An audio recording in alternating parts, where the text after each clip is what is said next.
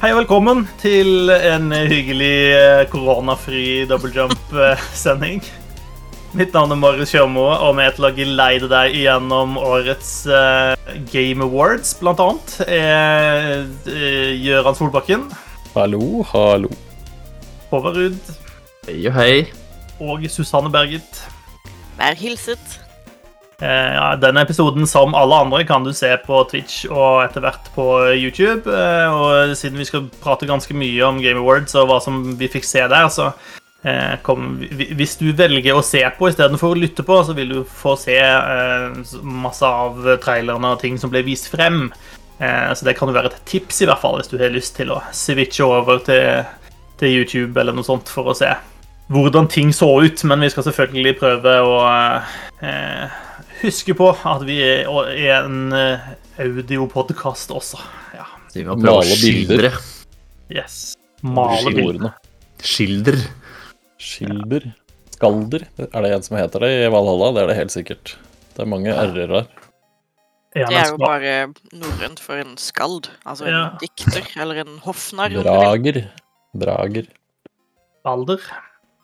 Balder. Ja, Var dette sånn tie-in til ny Assassin's Creed Valhalla DLC, eh, som har blitt leket at skal komme? Eh, nei. Eh. Nei, det var bare det var det siste spillet jeg spilte, som satt uh, tettest, gjerne nærmest, ytterst i hjernebarken. Jeg vet ikke hva det heter. Nei. Nei. Mm. Nei. Fremst, Fremst. det Takk. Det var dette med ord, da. Ja. Det er ikke så lett alltid. Nei, det er ikke så lett alltid. Hva, hva, hvordan går det med dere? Har dere bedrevet annet enn å leite etter ordene eh, siste uka? Det går mye tid på det. Ordleiting, ja. Mye bokleiting for min del på jobb. Oi. Finner du bøkene? Nei. Nei. Nei. Hvis jeg ikke ser dem med en gang, eller liksom kaster et blikk inn i, inn i selve liksom, hovedsalen, så gir jeg opp. Ja. Mm. Høres fornuftig ut. Ja, ja, ja. Mm. Bare si den står borti den hylla der, som er 26 mm. meter lang. Mm. Der borte er den. Vær så god. Blant jeg bare peker litt sånn vagt, litt sånn mm. krumt, så jeg er sikker på at jeg dekker alt. Men si det veldig bestemt. Ikke si at den er der borte. Den er der. Så må du vite det. Jeg kan se den herifra. Det er bare gå Jeg burde skjønne det med en gang, hvor den er. Mm. Mm. Men, eh, men, altså Har ikke bøkene det beste i hylla? Hvorfor skal folk drive og ta de ut av hylla? Kan jeg ikke bare la de stå der? Det blir så jævla mye rot av det. Ja, sant, ha orden i systemet. Ja. Mm. Mm. Hvis de absolutt må ha en bok, så kan de kjøpe den på nettbutikken vår. Ikke sant? Mye eklere greier. Ikke kom til min butikk og rot i mine hyller. Nei. Wow. Jeg lurer på om jeg skulle kjøre sånn prank på kona med en gang, og så fargesortere bøkene våre istedenfor å ha det etter uh, forfatter. Da tror jeg det hadde tippa for henne. Da hadde jeg blitt kasta ut. Ja da Uff. Mm. Ser jævlig kult ut, da. Det hadde sett uh, ganske gøy ut. Mm. Jeg har sett sånne folk som maler bøker. Eh, for, for de driter i hva bøkene er. De skal bare se interiørmessig ut sånn som de har lyst til å ha dem. Ja, alle mine bøker er sortert etter høyde. Altså, de gir faen i alfabetet, fordi alfabetet kan jeg ikke. Så Hvis du vet er, det fordi du, er fordi du ikke kjenner til Er det fordi du ikke kjenner til alle bokstavene, eller fordi du ikke kan de i alfabetisk rekkefølge? Fordi så lenge man kan alle bokstavene, så er det ikke så farlig med rekkefølgen. Ja, altså når jeg er på jobb og skal finne forfattere, så må jeg alltid synge den alfabetsangen for å finne ut mhm. av liksom, hvor i hylla jeg er på vei. Det er rekkefølgen jeg sliter med. Altså, jeg kan alle Individuelt så kan jeg nok alle bokstavene, tror jeg, hvis jeg prøver skikkelig hardt. Ja. Men da ligger du Da har du et godt utgangspunkt, da. Ja. Jeg skjønner hvorfor du fikk jobben, si det sånn, da. Hmm. Ja, ja, ja, men altså, jeg kan være veldig overbevist når jeg vil. Jeg trengte ikke å sitere lenger enn til F, og så sa hun at det var greit. Ja, sant. ja. ja vi skjønner at du har, du har vært borti alfabetet før, du. Ja. Mm. Og det er uansett etter F jeg begynner å få problemer, så det passer meg veldig fint. Ja, ja, ja. Det er noe som heter at hvis du har sagt A, så må du si B, men det stopper på F, da. altså. Det er jo greit å vite. ja. Eh, det var ikke helt sånn her jeg hadde tenkt å begynne eh, denne sendinga, men, eh, men, OK. Sånn er det. Kjekt å se dere alle, i hvert fall. Eh, skal vi, før vi kaster oss ut i Game Awards, skal vi ta en sånn kjapp runde. Er det noe vi har, vi har spilt som vi har lyst til å prate om? Eh, er det f.eks. noen som har spilt mer Halo siden sist? Nei. Har dessverre ikke det, altså. Venter alle på å kunne spille det coop? Alle venter på coop. Det er jo Men det kommer jo ikke før til neste år, gjør det? Ja? Påske eller noe sånt, var det ikke det? Ja, sant. Ja. Sikkert, Nei, jeg venter ikke på coop. Men jeg har, uh, jeg har litt lyst på ny Xbox. Spør oss igjen i påska. Ja. Halo var det helt til påska. Mm. Det er det beste. Nei, jeg har lyst til å spille på ny maskinvare, og den har jeg ikke ennå.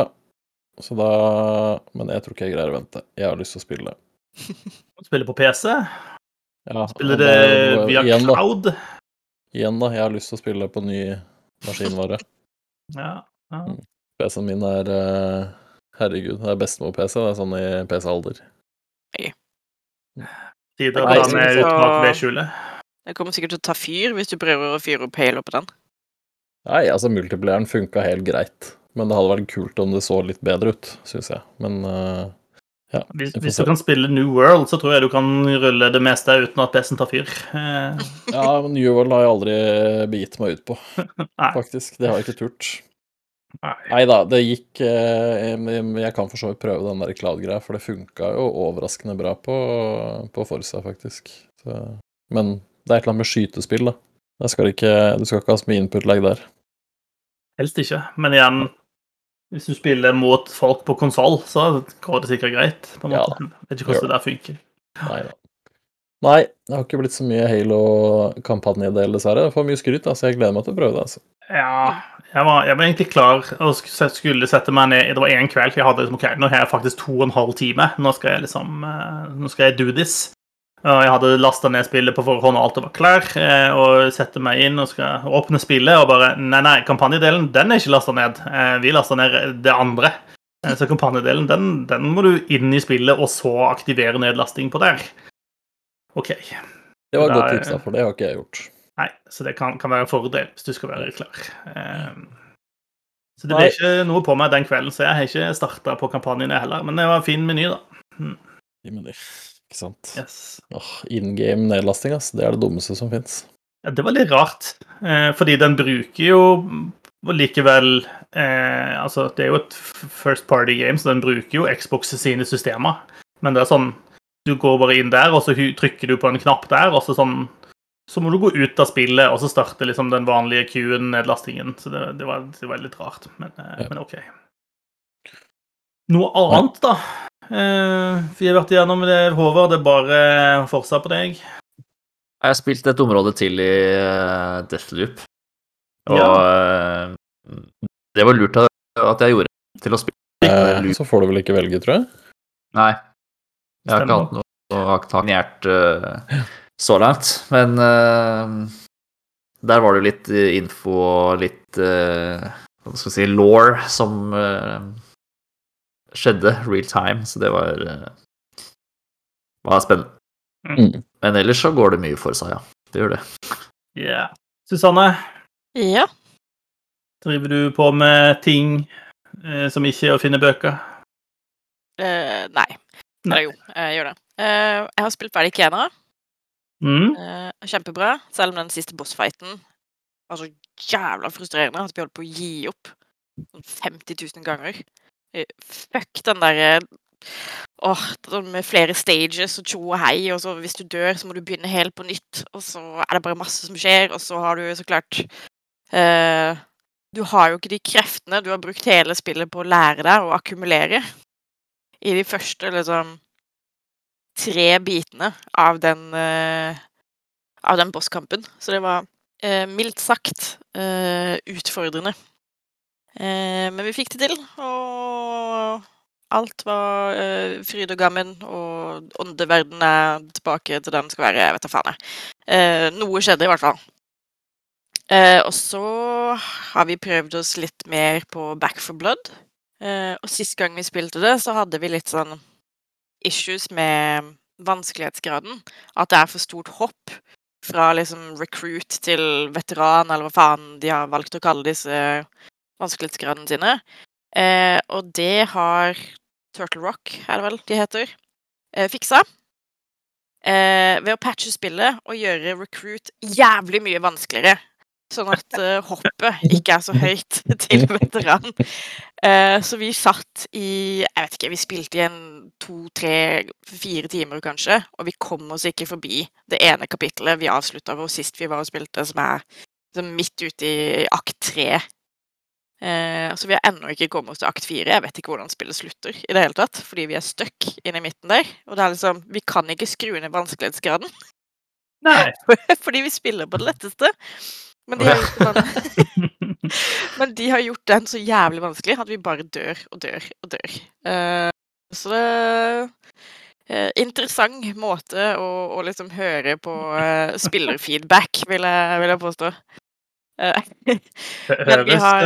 høres, ut som et klassisk case av git good, dette her, altså. Ja, ja. kanskje skaffe bedre team Eh, bytte ut noen spillere, eh, satse på bedre builds. Vi har hørt noen rykter om at en, en, liksom, en ren Melee-build eh, er litt for OP i, eh, i Back for Blood, så vi skal prøve det neste gang, da.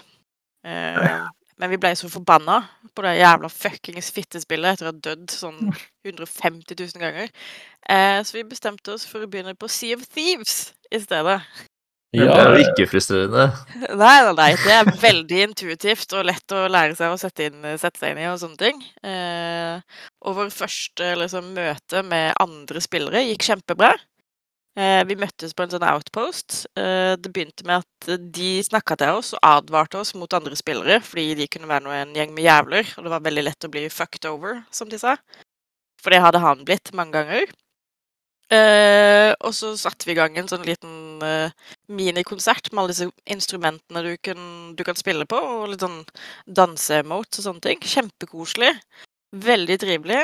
Og så avslutter de det med at de dreper oss og senker skipet vårt. Det, det, føler jeg liksom er Siv Thieves sier et nøtteskall. Sounds about right. og så har vi også begynt eh, lite grann på den eh, eh, GTA-remasteren. Oh. Som har fått så mye skryt. og det er liksom Det ser, det ser så jævlig ut. Herregud. Uh, og alt er så jævla jank, og fysikken er bare helt på trynet. Og det er liksom Det er dritmorsomt. Men jeg tror ikke det er helt det utviklerne har tenkt at det skal være. Eh, for vi sitter og ler veldig mye, men det er liksom jeg, jeg føler ikke det var kanskje helt det utfallet de hadde håpet på når de lagde det her. Eh, men eh, det er absolutt veldig underholdende. Det er det. Eh, fint sånn uh, spill man fyrer opp en fredag eller lørdag kveld, og så sitter man og drikker i tillegg, fordi da blir den kjøringa og sånn litt mer uh, utholdbar. uh, og så har vi fått testa Let's Sing 2022. Oi. Fordi vi kan ha blitt litt vel fulle etter å ha spilt GTA. Og tenkt at ja, dette fyrer vi opp eh, klokka tre om natta på en fredag, og Susanne skal på jobb dagen etterpå. Eh, men vi fikk eh, peisa oss gjennom en del sanger, blant annet The Wellerman, eh, som viste seg å ikke være originalen, men en fuckings remix, som er helt jævlig. Eh, så det trekker jo kjempemye ned. Uh, og sånn utover det så var det altfor mange eller de moderne sanger som har kommet ut i år eller året før, som vi ikke kjenner til, og altfor få klassikere. Eh, så jeg vet ikke Fire av ti kan man gi det spillet, tenker jeg. Nå kan man kjøpe, laste ned flere sanger til spillet? Sikkert. Mm. Men det, det, fant vi ikke ut av akkurat da. Ja. Og litt for avansert.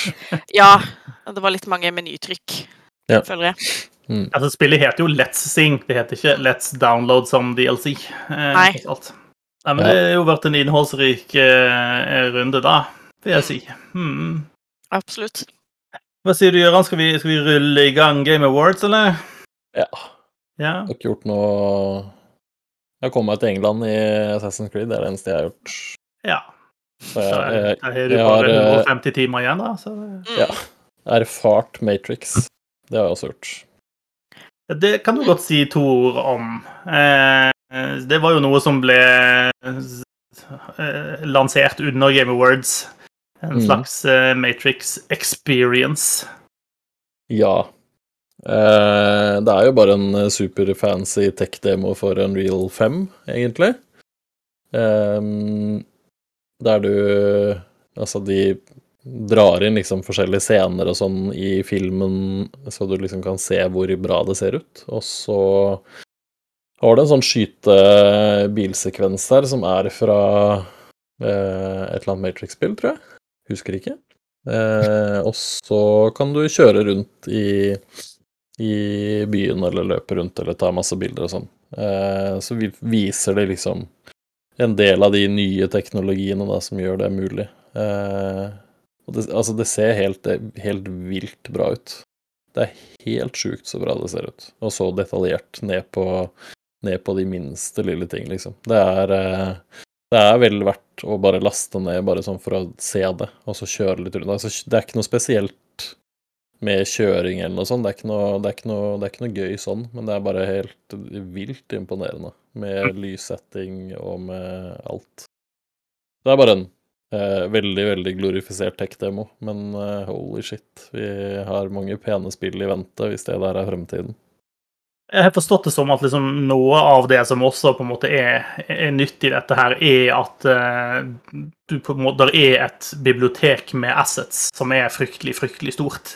Uh, og det er jo på en måte en av de tingene som har gjort altså, store åpne verdensspill veldig, veldig dyre, fordi du må lage alt innholdet til verden, mens her tilbyr da Eller her har Epic brukt fryktelig masse penger på å lage et sånt bibliotek for deg, eh, sånn at du egentlig kan bare plukke og mikse. Ja. Eh, sånn at det skal bli enklere for andre utviklere, og kanskje utviklere som ikke har trippel A-budsjett, til å også lage eh, ambisiøse spill. da. Mm. Og Det kan jo bli ganske kult. Det blir spennende å se om alle spill kommer til å se like ut fremover pga. det, eller ikke. Men det er ganske stor spennvidde i Unreal-spillene i dag, så jeg tenker at det kommer det helt sikkert også til å være, ja, være videre. Helt sikkert. Mm. Mm. Men uh, nei, det er sykt imponerende, faktisk, hvordan det ser ut. Mm. Uh, og så er det jo Altså, det er ingen som sier nei til litt eh, Keanu Reeves på TV-skjermen, digital eller ei. Yes. Han var jo ung, ung, og gammel, Keanu. Mm. Han er en uh, internasjonal skatt. Ja. Rett og slett. Nei, bare last ned og, last ned og se den. Det er, eh, det er, det peneste jeg har sett på PlayStation 5-en min. Yes. Keanu Reeves eh, dukka jo også opp under Game Awards eh, og reklamerte for den nye filmen. Eh, Matrix Resurrection, hvis jeg husker riktig. Ja. Eh, så et eller annet klipp der han var promotert til filmen der han sjøl ikke huska hva filmen het, eh, som jo var ganske gøy. Eh, det er veldig mye armer når han prater, eh, som er litt artig. Eh, men det var ikke han som åpna showet, for det var The Sting som gjorde. den er, Og Da må jeg spørre dere som er med å konsumere alt av liksom moderne samtidskultur. Er, er Sting veldig relevant om dagen? Ja, syns du ja. det? Jeg mener, han var jo med i Dune. I det året jeg ble født, ja. Overhodet ikke der jeg forventa at det skulle gå, faktisk. Han, han, var med der i 1984, det er helt riktig. Men er det han som synger den sangen i Arkane, eller er det bare Eller covrer den på Game Awards?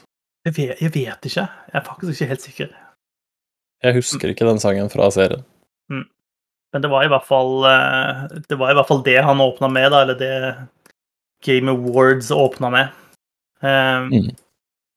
Det er litt sånn lavmælt og greit. Det kan, kan, du også si innledningsvis det var ganske Det var en god del eh, innslag med orkesteret, The Game Awards Orchestra, eh, og de var MVP eh, på sendinga. Eh, for de var dritflinke, og eh, de musikalske innslagene var generelt veldig underholdende. Så Mm. Det er noe med De var jo på en måte live eh, denne gangen. Det var de jo ikke i fjor. sant? De hadde faktisk samla folk, selv om folk satt med avstand og med maske og sånne ting. Så du merker jo på en måte litt forskjell, men det jeg syns egentlig merka mest forskjell på, var rett og slett orkesteret og musikken og, og den biten. Eh, jeg syns det gjorde, gjorde, mer inntrykk av enn at, enn at, det kom et par folk opp fra salen og hadde en sånn klein takketale. Absolutt. det var litt kult å se. Eh, så vi får håpe at de også neste år kan, kan klare å gjøre det samme. Mm. Kanskje med en artist som appellerer litt mer til gamer-kidsa enn en 70 år gammel mann. ja Kanskje. Vi får se. Han har jo en rolle i Only Murders in the Building også, så han er jo på en måte på vei opp igjen, føler jeg. Sting. Ja, her tar jeg, tar jeg sjølkritikk. Her har ikke jeg fulgt med. mm. All right. Etter at Sting eh, hadde sunget fra seg, eh, så eh, Det neste jeg noterte meg, i hvert fall, var at vi hoppet til en video fra Hellblade 2, Senwas saga, fra Dinia Theory. og jeg vet ikke om det var det på Game Awards. De liksom først viste den forrige. Eh, det var i hvert fall, eh, det var i hvert fall en, en stor presence for, for, det første Hellblade også på, på, Game Awards for et par år siden. Eh, og jeg Det er jo et spill som ser lekkert ut på trailerne vi har fått sett. Mm. Her så fikk vi se en litt lengre trailer hvor Jeg vet ikke om det er en slags bossfight, eller det er i hvert fall en fight de holder på med. Eh, og det går ganske hardt for seg, og det ser jo sånn deilig groteskt og brutalt ut, eh, det vi får se. Mm. Ja, det er liksom et av de spillene som er sånn ja takk, kan vi bare få det nå? Trenger ja. ikke se mer. Ja. ja, for det de viser i den traileren, det er jo in game. Mm -hmm. Ja, det er det. det er ganske sjukt. Det ser jo helt for jævlig bra ut, liksom. Ja. Jeg skjønner ikke en dritt av hva som skjer, men uh...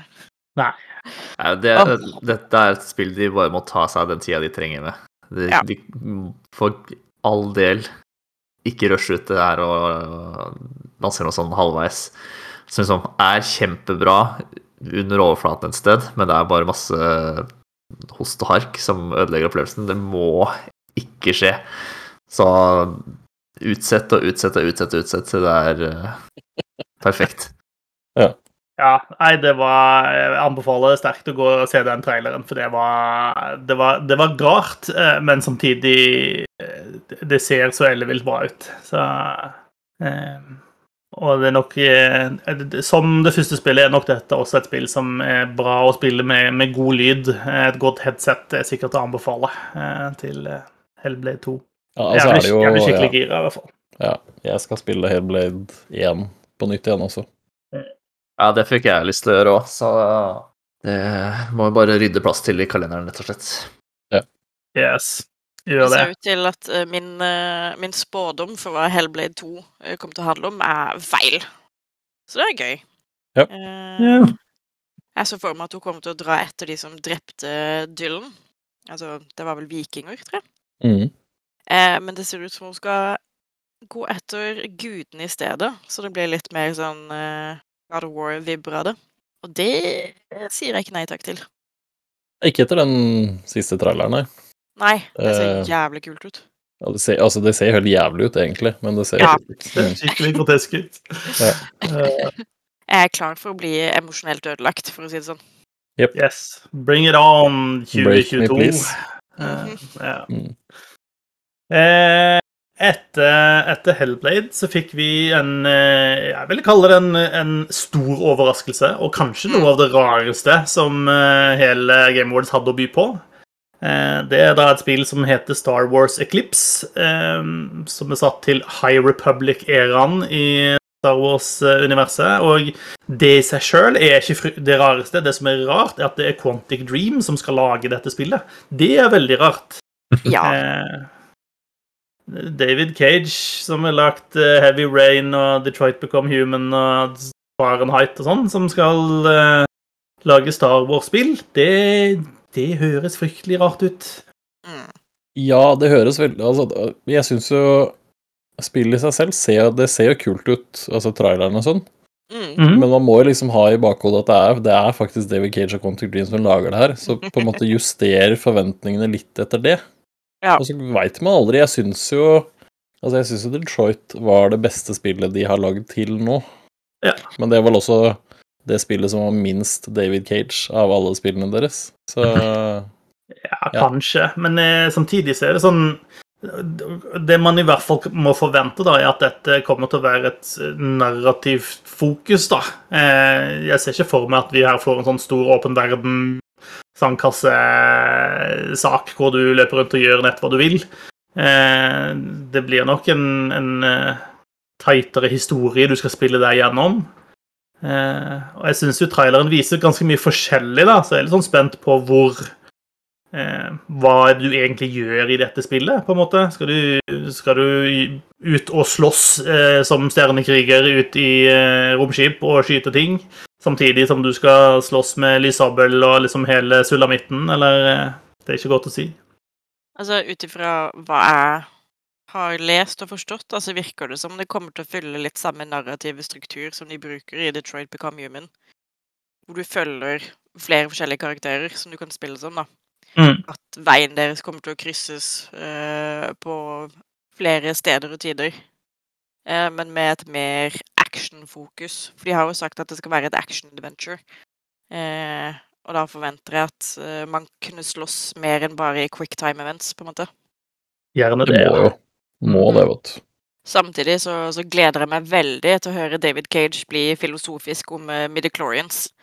Det, det, kommer til å bli en trashfire uten like. Åh, la oss, uh, la oss stå over akkurat det. Uh, uh, nei, men jeg, jeg, er veldig spent på hva, hva, det spillet der kommer til å bli. altså. Det er noe jeg kommer til å følge utviklinga på nøye. For det, det, det, kan bli alt ifra kjempebra til en ordentlig sånn dumpster fire. Så Amazon viste frem sitt neste spill også. Lost Ark. Nå har ikke det vært ute lenge? Eller, det har vært ute lenge, men de kommer ja. med vestlig release nå Når var det det kom? Mars-april, eller noe sånt? 2022? Ja. Ah, okay. det Det har vært noen betatester og sånn nå. Åpen, åpen ja. beta. Mm. Mm. Ja. Hva, hva syns dere om det? Det syns jo at det, det, det fengde ikke meg sånn umiddelbart, i hvert fall. Det er, altså, det er jo et Diablo-type spill.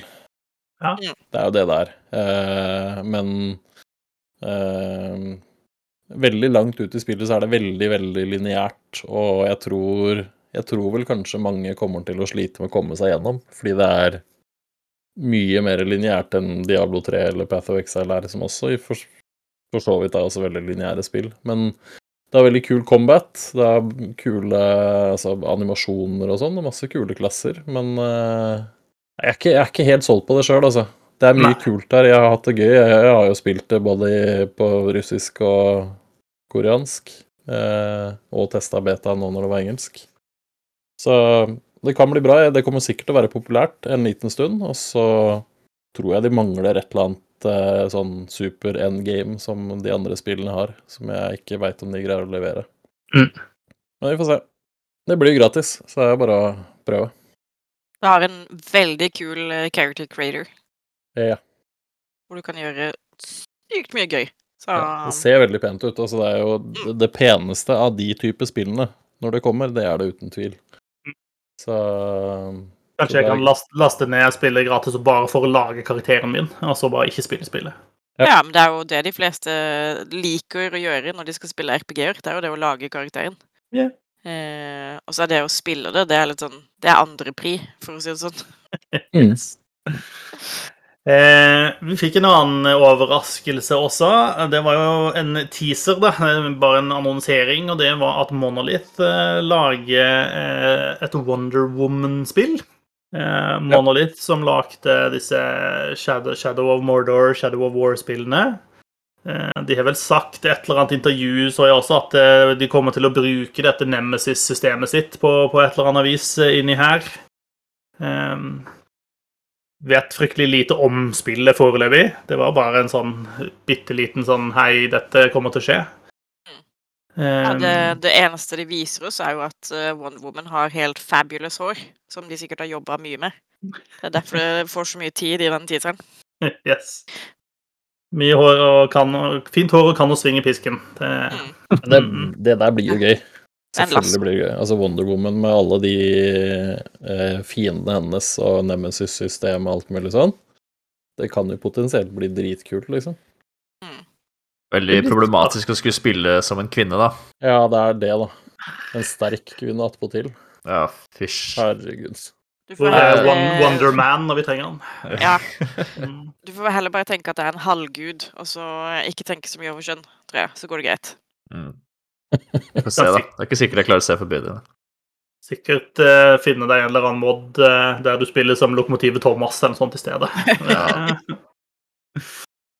Nei da, sånn, jeg tror det kommer til å bli uh, veldig bra. Dette har jeg uh, høye forhåpninger til. Ja, enig. Ja, det kan bli kult. Shadow Warrior var grisefett, i hvert fall. Ja. Noe som jeg har høye forventninger til, er Alan Wake 2. Som eh, Remedy viste frem litt. Det var også, eh, Sam Lake var også til stede eh, og prata litt om det. Og du får se folk, skjønt at folk på internett har reagert litt på utseendet til Mr. Wake. Jeg syns han så litt sånn rar ut i ansiktet. Så ikke helt ut som seg sjøl. Det kan jo godt være at det er en grunn til, for den seg selv. Og så er det Keanu Reeves. ja, det vil overraske meg. Nei, jeg lurer på om de har sagt at det er den originale finske skuespilleren som, som, som skal, skal, gjøre rollen på nytt igjen. da. Mm. Eh, og de har sagt at det blir en sjangerendring. Eh, dette blir Remedy sitt første survival horror-spill. Eh, jeg vet ikke, Alan Wake var vel kanskje ikke helt det, selv om det definitivt toucha litt borti det. Eh, så går de da type enda dypere inn i, i horrorsjangeren med, med, Alan Wake 2. Da. Det, jeg er veldig spent på å se hvordan de, de, hvordan de gjør det. Jeg, jeg syns jo Control også eh, lefler en del med den horrorbiten, så det, var kanskje, det er kanskje en naturlig utvikling at det er der de tar det. Alan Wake passer godt til den sjangeren, vil jeg tro. Så. Altså, de har jo en, en faktisk Alan Wake-utvidelse i Control. Jepp. Mm. Så er liksom det, det, Ja, det er et naturlig steg, på en måte. Mm. Ja, det gleder jeg meg til. Mm. Det blir kult. Eh, og så brukte de litt tid på Sonic the Hedgehog 2. Fordi selvsagt gjør det, altså Nå er det faktisk så mye Sonic i monitor hvor enn jeg snur og vender meg. Eh, ja, den, uh, men eh, akkurat trailer for filmen, det kan jeg godt ta imot. Men eh, altså, vi kan, vi kan godt beholde sånn Sonic til filmformat heretter. Altså, rollelista i denne filmen er jo Står det jo respekt av, da. Mm. virkelig. Mm. Så um... da, Jeg syns det var en morsom uh, trailer òg. Uh, veldig kul uh, Det er mye kul karakterutvikling som har skjedd uh, mellom film 1 og film 2. Hvor uh, Jim Carrey kommer tilbake som uh, doktor Robotnik med enda større bart og sitt kjente blanke sin blanke isse. Ja. Er, det, er, det, det som er karakterutvikling, at barten den gror mellom filmene? Mm. Ja, det er han som enda sprøere han har vært uh, i eneren. Ja, ja. Og så blir han gjenforent med elskeren sin, Agent Stone. Så, ja. Og uh, Idris Elba uh, dukker opp uh, som Knuckles, som også er så pussig at det, det, må bare bli gøy, på en måte. Mm. mm. Og altså, Tales. Idris uh, Elba har jo tatt på seg pels før, med varierende hell. Da snakker jeg jo så klart om uh, Cats. Jeg tør ja, ikke å se den, for jeg er redd for å få mareritt. ja. Det er, det beste, beste ball. Ja. Men uh, jeg håper det går bedre for han denne gangen. Vi, vi, får satse på det. Det er digital pels hele veien, sikkert å anbefale. Ja. Eh, Horizon Forbidden West eh, fikk de liksom flasha lite grann, og så var det et eh, sånn musikalsk nummer hvor de spilte, spil, Orkesteret spilte musikk fra um, Horizon. Og det spillet ser jo fortsatt bra ut, det. Jeg føler det er sånn Det er litt sånn som du sa med, med Hellblade 2, at sånn, vi har sett det vi trenger å se av dette spillet. We, we're gonna buy it. Det, ja, ja. det er på en måte greit nå. Ja. Jeg skal kjøpe det. Slapp av. Mm. Mm. Eh, så jeg er ikke helt sånn oppdatert på hva som er nytt og ikke nytt i denne traileren i forhold til tidligere og sånt, men eh, eh, Jeg tror ikke vi så den kobraen sist, eh, så den er ny. Ja. Og jeg ser de har jo den der eh, De har jo en sånn glider-funksjon i lufta, sånn som alle åpenverdensspill har nå etter, etter Zelda. Eh, som du vel ikke hadde i eneren, så vidt jeg husker. Jeg skjønner ikke hvordan den funker, for det ser jo ut som den digitale glider, eh, men, men, men, men sure. sure. Ikke tenk på det. Nei, jeg prøver ikke å tenke på det. Mm. Kanskje, kanskje, hele Horizon egentlig foregår i The Matrix, så Kan godt være. Eh, så fikk vi se Final Fantasy 7. Eh, det nye, men ikke nye spillet. Ja, det er ikke noe nytt heller, for den integraden er vel ute på Det var vel en sånn epic Var ikke det en sånn epic-lansering, det her, da? Eller PC-lansering? Jo, jeg tror kanskje det var det. Ja. Så, Så, så det ser Intet ut som nytt å melde der. Det kommer på PC. Ja. Det må jeg også si. Eh, her i Norge så er vi litt sånn bortskjemt holdt jeg på å si, med en lovgivning som gjør at man må merke reklame litt sånn tydelig og sånt. Når du satt og så dette her, så var det nesten umulig å vite hva som var redaksjonelt innhold, og hva som var betalt eh, reklamespotter eh, av de tingene som ble vist. Noen ting var litt åpenbare pga. formen, men andre ting var sånn jeg, jeg, vet faktisk ikke om dette er noe noen har betalt for å ha her, eller om dette er noe de har med fordi det blir kult for showet. Ja. Mulig vite. Litt uh, diffuse linjer der, kanskje. Ja, ikke, ikke, ikke bare litt engang. Um, eh, så fikk vi en annonsering av Eh, det første spillet til Bokeh Game Studios, eh, som da er den originale Silent Hill-skaperen sitt studio, eh, som da lanserer spillet Slitterhead. og når du hører den tittelen, så kan du sikkert gjette deg til sånn roughly hva slags sjanger dette her går i. Vi har allerede valgt ut Håvard som anmelder av det spillet. ja. Stiller, jeg, vet du. Jeg ble ikke ble knapt eh, skremt av The Medium uh, tidligere i år, så da, dette, ble sikkert, dette ble sikkert uh, kakebit. Mm. Ja, jeg syns det så um, Det så ut som det jeg forventa at det skulle være. Um, og det ser ganske Det ser litt grøsselig ut, det gjør jo det. Uh, og samtidig så er det litt sånn derre nesten litt humoristisk eh, samtidig. Eh, som det på en måte er nasty body horror og sånt eh, inni her. Ja. Ja. Det er, ja. Det er, litt sånn Er det campy de kaller det? Ja, på en måte. Altså, jeg syns jo sånne store, stygge, ekle monstre er ikke nødvendigvis skummelt sånn som andre ting i spill kan være. Det kommer litt an på settingen. Ja. Det kommer litt an på settingen, hvordan du pakker det inn, altså. Det hvis du, hvis du, er altså I Dead Space 2 så er de jævla skumle, de monstrene. Og i Prey også, for den saks skyld, så er de monstrene jævla skumle, ass. Så, Men der er det jo også en veldig klaustrofobisk setting, så mm. Det hjelper jo også litt, holdt jeg på å si. Ja. Play er jo skumlest når du ikke vet om det er noen der eller ikke. Når du først vet at det er et monster, så er det ikke skummelt. Det Nei, more or less. Jeg, jeg skjønner ja. hva du mener, iallfall. Ja. Mm. Nei, men, det, men der, ja. du går jo på tå hele, hele det spillet. Ja. Eh, jeg tror jeg lagde knot i eh, rekkefølga til Gjøran her på trailerne også, når jeg har hoppet litt i lista her, ser jeg. Eh, Nei da, vi hoppa over Destiny 2, men det er det ingen her som bryr seg om likevel. Så. Nei, ingen som brydde seg om, om, The Witch Queen eh, til Destiny 2, så det oh, Wow. Her syns jeg vi, vi dropper brannfakler litt vel tidlig i sendinga. Ja, altså Det er ingen her som har spilt Destiny 2 på år og dag, er det det? Altså? Nei, det er for så vidt sant, men jeg gleder meg jævlig mye til The Witch Queen. det ser skikkelig, skikkelig bra ut. Ja. Jeg kommer aldri til å spille det, men det ser skikkelig bra ut. Og så fikk vi se et spill som heter Nightingale. Det gjorde vi. Ja, det Ja, hva syns du om det? Det ser dope ut. Mm. Og bare det å vite at det er liksom Aaron Flynn fra fuckings Bioware som står bak, og hans nydanna studio Jeg trenger ikke å se noe mer i den traileren vi fikk. Jeg er down. Ja, det, yes. Jeg, jeg tror, altså det, det, lukter jo samarbeid, da. Altså, du må ha en liten posse med friends, eh, kanskje? Ja, og i motsetning til dere, så har jeg jo det. Ja, sant? Um... Snakk om fakler, da. Det her var jo kniven bare rett i ryggen. Da. Ja, da, ja, vi vet at vennene til Susanne er bøkene på jobben hennes, så det, det går fint. Why are you booing me?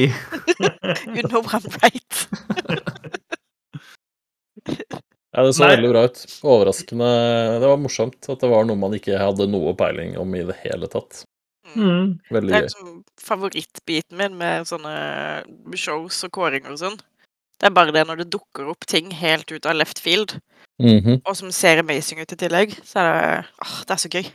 Ja. Jeg er nesten skuffa at ikke de har Stargate-lisensen på dette. For det var det første jeg tenkte når jeg så de jævla portalene deres. Ja. Men, eh, men, ja, det, jeg tror det kan bli ganske kult. Survival, survival crafting i en shared world. Eh, og det der, altså. Du står og hogger på et tre, og plutselig viser det seg at det treet er et jævla monster. Eh, som du fikk se i traileren der. Det, det er faktisk ugreit. Eh. Ja, ellers takk. Ja. Så litt skeptisk om monstre som skal komme og ødelegge tingene jeg har brukt masse tid på å bygge. Eh, det Ja. Må bare passe på å drepe dem før du gjør det. Ja, rett og slett. Take them to the killing field. Um, yes. Ja, det ser kjempebra ut. Jepp.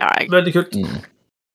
Uh, og så fikk vi se mer av dette Lord of the Rings Gollum, uh, The Untold Story-spillet.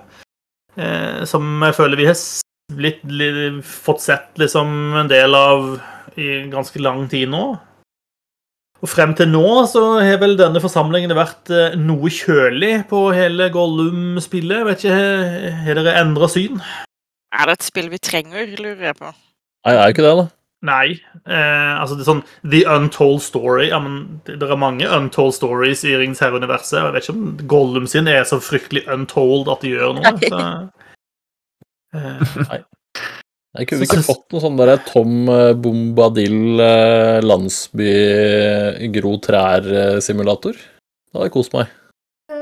Sånn Tom Bombadil Valley. Eh, ja. ja. Fader, det hadde vært helt konge.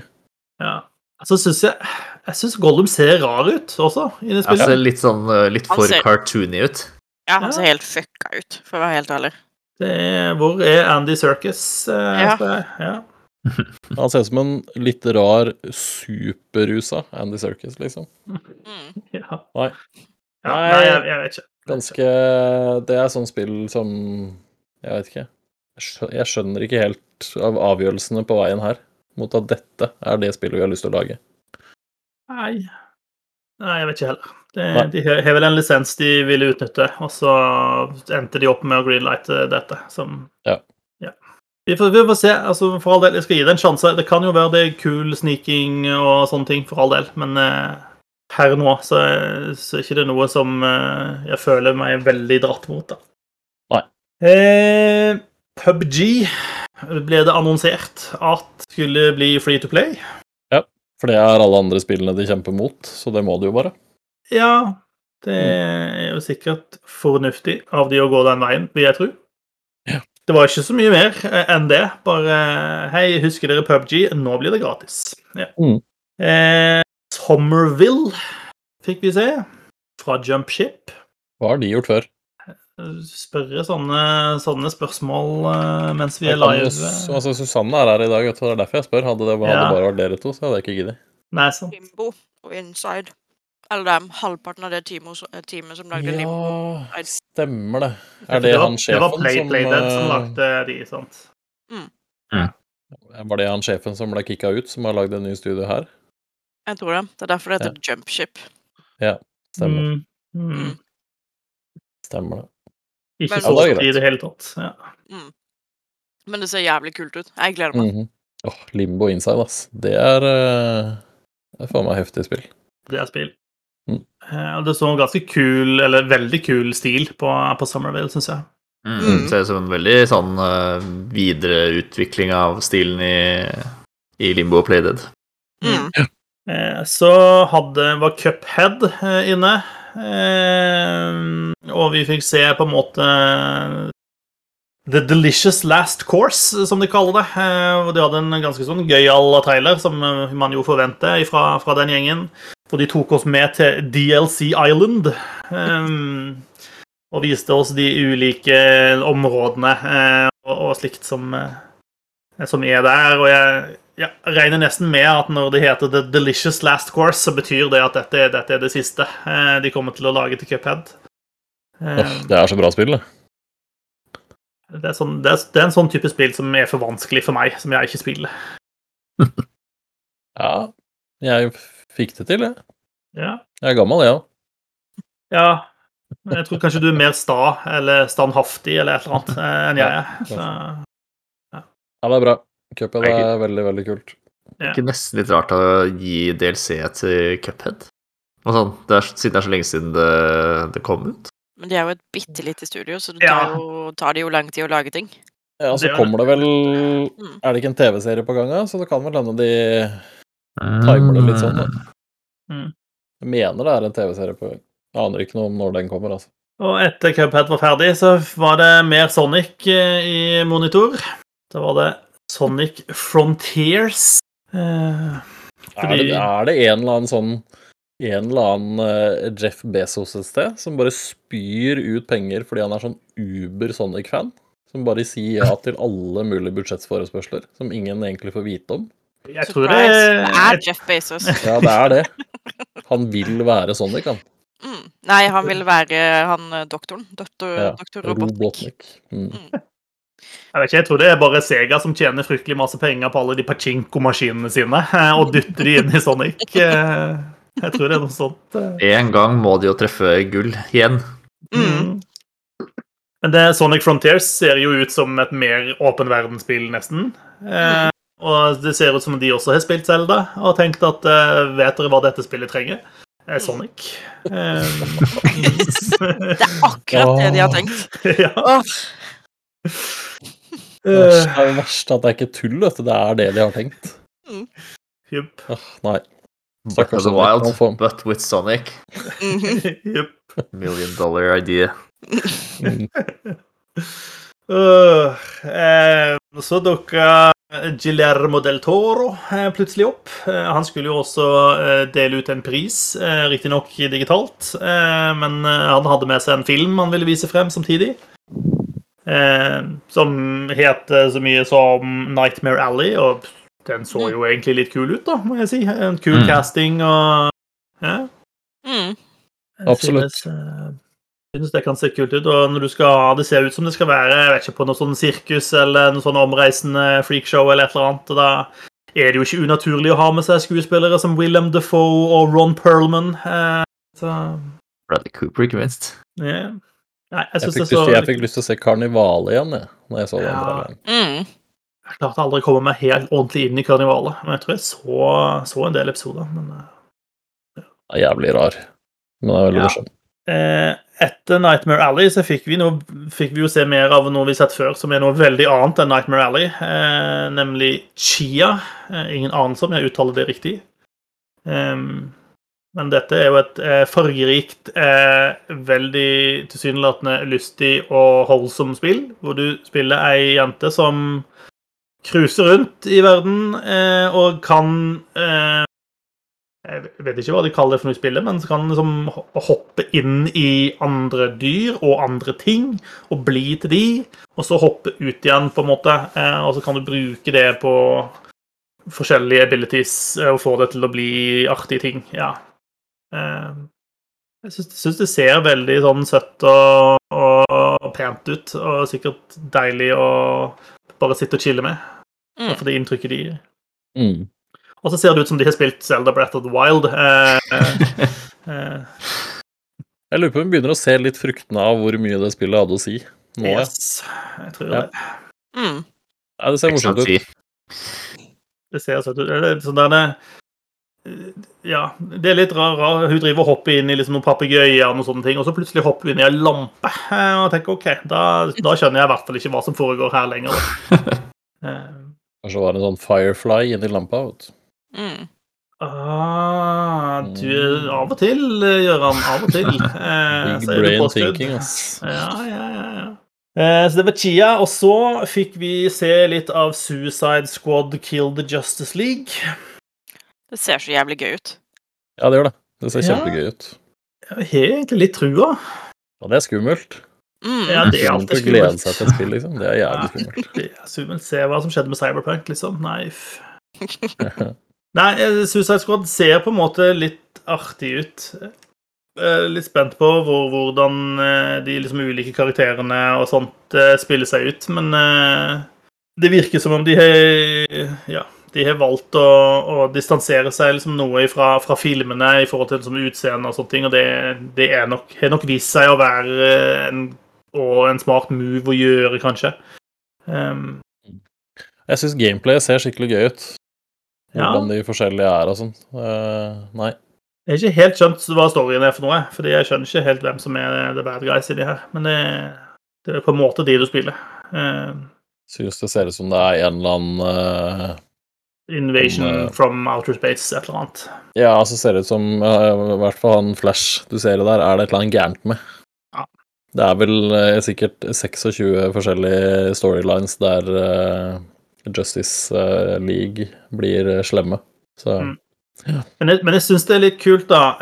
det som vi på en måte ser etter hvert, er at man åpner mer opp disse IP-ene til folk og lar spillutviklere gjøre mer crazy ting med de. Eh, I gamle dager så var man ofte mye strengere og eh, Nei, skal du lage spill med Supermann, så må eh, Supermann må alltid vinne og må alltid være uskadelig, og han kan ikke tå, han kan ikke få en trøkk, omtrent, liksom. Eh, mange bilprodusenter tror jeg faktisk til den dag fortsatt tviholder på det at nei, det, det, på vår bil kan det ikke komme en skramme på, liksom, hvis du skal ha den med i, i bilspillet ditt. Mm. Eh, ja, sånn, har du ikke spilt Forza Horizon, min venn? nei, nei, men det er nettopp det som er poenget mitt, da, at det, man har begynt å bevege seg mer vekk ifra det. og det eh, det gjør at man kan få kulere spill, da, og også at lisensspill er, blir noe blir bedre. De blir noe mm. annet enn bare her er en litt lang reklame for et annet produkt eh, som denne IP-en egentlig skal reklamere for, på en måte. Eh, det syns jeg er kult. Eh, jeg har ikke spilt ikke jeg spilte Guardians of the Galaxy-spillet, men det skal jo også være bra, ifølge rykter og folk i denne podkasten. Kan bekrefte. Jeg er spent på hva Suicide Squad uh, Kill the Justice League bringer. Uh, og jeg håper mm. vi får banke livskiten ut av The Justice League, for det er det, det de fortjent. Men ikke Batman, da? Uh, he can be a douche uh, innimellom. Uh, jeg syns det ligner litt på Outriders det heter. Det er litt sånn Outriders på steroider, det Suicide Squad-spillet. Ja. ja, kanskje. La oss håpe det er på steroider. Batman ja. er jo en megadusj. Altså, den eneste superkraften hans er penger og privilegier. Mm. Yeah. Håper de banker han opp. Batman er det Jeff Bezos ønsker at han var. Mm. Mm. Ønsker ikke Jeff Bezos å være med Lex Luther? Kanskje begge to. Ja. yeah. eh, Forspoken fikk vi se. Ja takk. Jeg tar to av den, jeg. Mm. Gjør han det klar? Ja. ja. Det ser så jævlig kult ut. Bare liksom gi det til meg med en gang. Ja, altså hadde det ikke vært for Jeg holdt på å si det, det er nok kanskje det spillet jeg gleder meg mest til, men så er det så husker jeg at det er jo et Hellblade-spill her, og så er det et Horizon-spill her. eh, men det er et av, et av, de spillene jeg gleder meg mest til, som har blitt vist, i hvert fall. Jeg synes mm. det, det, ser ut som det blir skikkelig, skikkelig gøy. Til tross for at du må spille som dame i alle spillene? Det, ja, ja, men det ja. Det, bare, det sier jo bare hvor bra disse spillene er, da. Ja, ja. For det er, det er kjempeproblematisk, faktisk. Men uh, ja. Det har blitt vanskelig å være mann, så jeg eh, skuespiller eh, Stig Henrik Hoff, eller hva han heter for noe, var ute og sa her om dagen. Ja, kan vi, kan vi ikke ta den, den, diskusjonen her? Det var så kleint, det opplegget der. Ja, det var uh, veldig, veldig tydelig. Det er lenge siden Stig Henrik Hoff ble klein, men er det ikke det? Vi visste jo. det på forhånd. Jo, og så er det så ekstremt lenge siden han var relevant. Uh, det er jo fordi han er opptatt med å sitte i den der snekkerbua si og være mann, da, vet du. Mm, sant. Ja. sant. Ja, nei, men jeg ble, jeg ble mer uh, overbevist av uh, denne traileren, Forspoken-traileren, enn den som ble vist på E3. Mm. For da, da, var jeg litt sånn Jeg ser dette noe gøy ut, da. Men uh, denne gangen så det kjempegøy ut. Så Ser kult ut. De hadde et par av skuespillerne i studio også. Eh, I studio, eller på, på scenen eh, på Game Awards også, eh, og prata litt med dem. Hvem var det? Hmm? Jeg fikk ikke med meg den sekvensen. Nei, det kan det, det, det, kan jo sjekkes ut. Det var vel også hun hun som spiller hovedrollen, men også en, en, i hvert fall den ene antagonisten, som også på en måte ble, ble bekrefta at ja, det er denne skuespilleren som spiller, som var på scenen. Var ikke det, det var ikke Laura Bailey Nei. Nei, det var ikke det de var der for. Nei. Nei. Det var ikke Laura Bailey. Eh, så fikk vi en eh, Warhammer 40K Space Marine 2-titt. Ja, altså det må jo komme en uh, mellom seks og ti Warhammer-spill ut hvert år. Det er jo på en måte står i kontrakten til én land et sted. ja, det, ja. ja. du er helt rett. Uh, jeg, jeg, klarer virkelig ikke å følge med på alle Warhammer-tingene som kommer ut hele tiden, og de har vært uh, Ja, de har vært veldig liberale med IP-en sin, i hvert fall, opp igjennom årene. Og så kjenner ikke jeg historikken her godt nok, men når du på en måte ser intervjuet med de som lager dette spillet, og sånt, da, så får man på en måte inntrykk av at det originale Space Marine-spillet var liksom en big deal når det kom i sin tid. Eh, og at de i hvert fall var veldig gira på å få lage, lage Space Marine 2, da, og de hadde med han skuespilleren som spiller hovedrollen i spillet, og som også var veldig gira. Sånn, så jeg synes på en måte at noe av den traileren var litt kul. Eh, det er på en måte ting i her som jeg kan tenke at OK, kan være at dette ikke er så dumt, hvis jeg bare klarer å glemme at dette er Warhammer, og at jeg ikke bryr meg om Warhammer, eh, på en måte. Altså, ja. Jeg har ikke noe forhold til Warhammer i det hele tatt, men jeg syns dette ser jævlig gøy ut. Ja. Så jeg kommer til å spille det. Ja. Det er mest fordi det minner meg litt om Gears of War, som ja. har henta mye av inspirasjonen sin fra Warhammer. Så Yeah. Skulle akkurat til å si det. det. Hvis du lukker øynene og tenker at det er Gears of War, så er du sikkert ikke så far off. Ja. Det er myser jo... litt myser sånn her, så ser det ut som Marcus Phoenix. Ja. Og så kan det hende det faktisk er Henry Cavill som er under der. For han er jo oh. superfan. Stemmer. Ja, men det var det altså ikke. Nei. Det var ikke det. Han er, han er, opptatt med å spille The Witcher 3 DLC i jula, for øvrig. Uttalte ja. han i et intervju her. Mm. Mm, uttalte i nytt intervju. Det er bare du som har sittet i en busk utenfor huset hans og liksom notert en liten notatbok. Jeg må jo følge med på hva, hva han skal bygge i den neste PC-en sin. Jeg trenger tips. Ja. Den PC-en hans har ikke jeg råd til, i hvert fall. Nei. Nei. Det var ganske stiv pris. Det var noen som hadde leita opp eh, komponentprisene der. Den var ganske, den var ganske frekk. Det var sikkert noen kroner for å spille Supermann, da, så da, da har du råd til ny PC. Ja. Og så får han jo så mye gullmynter eh, i The Witcher. Ja. ja Tassecoin og alt det der. Mm. Mm.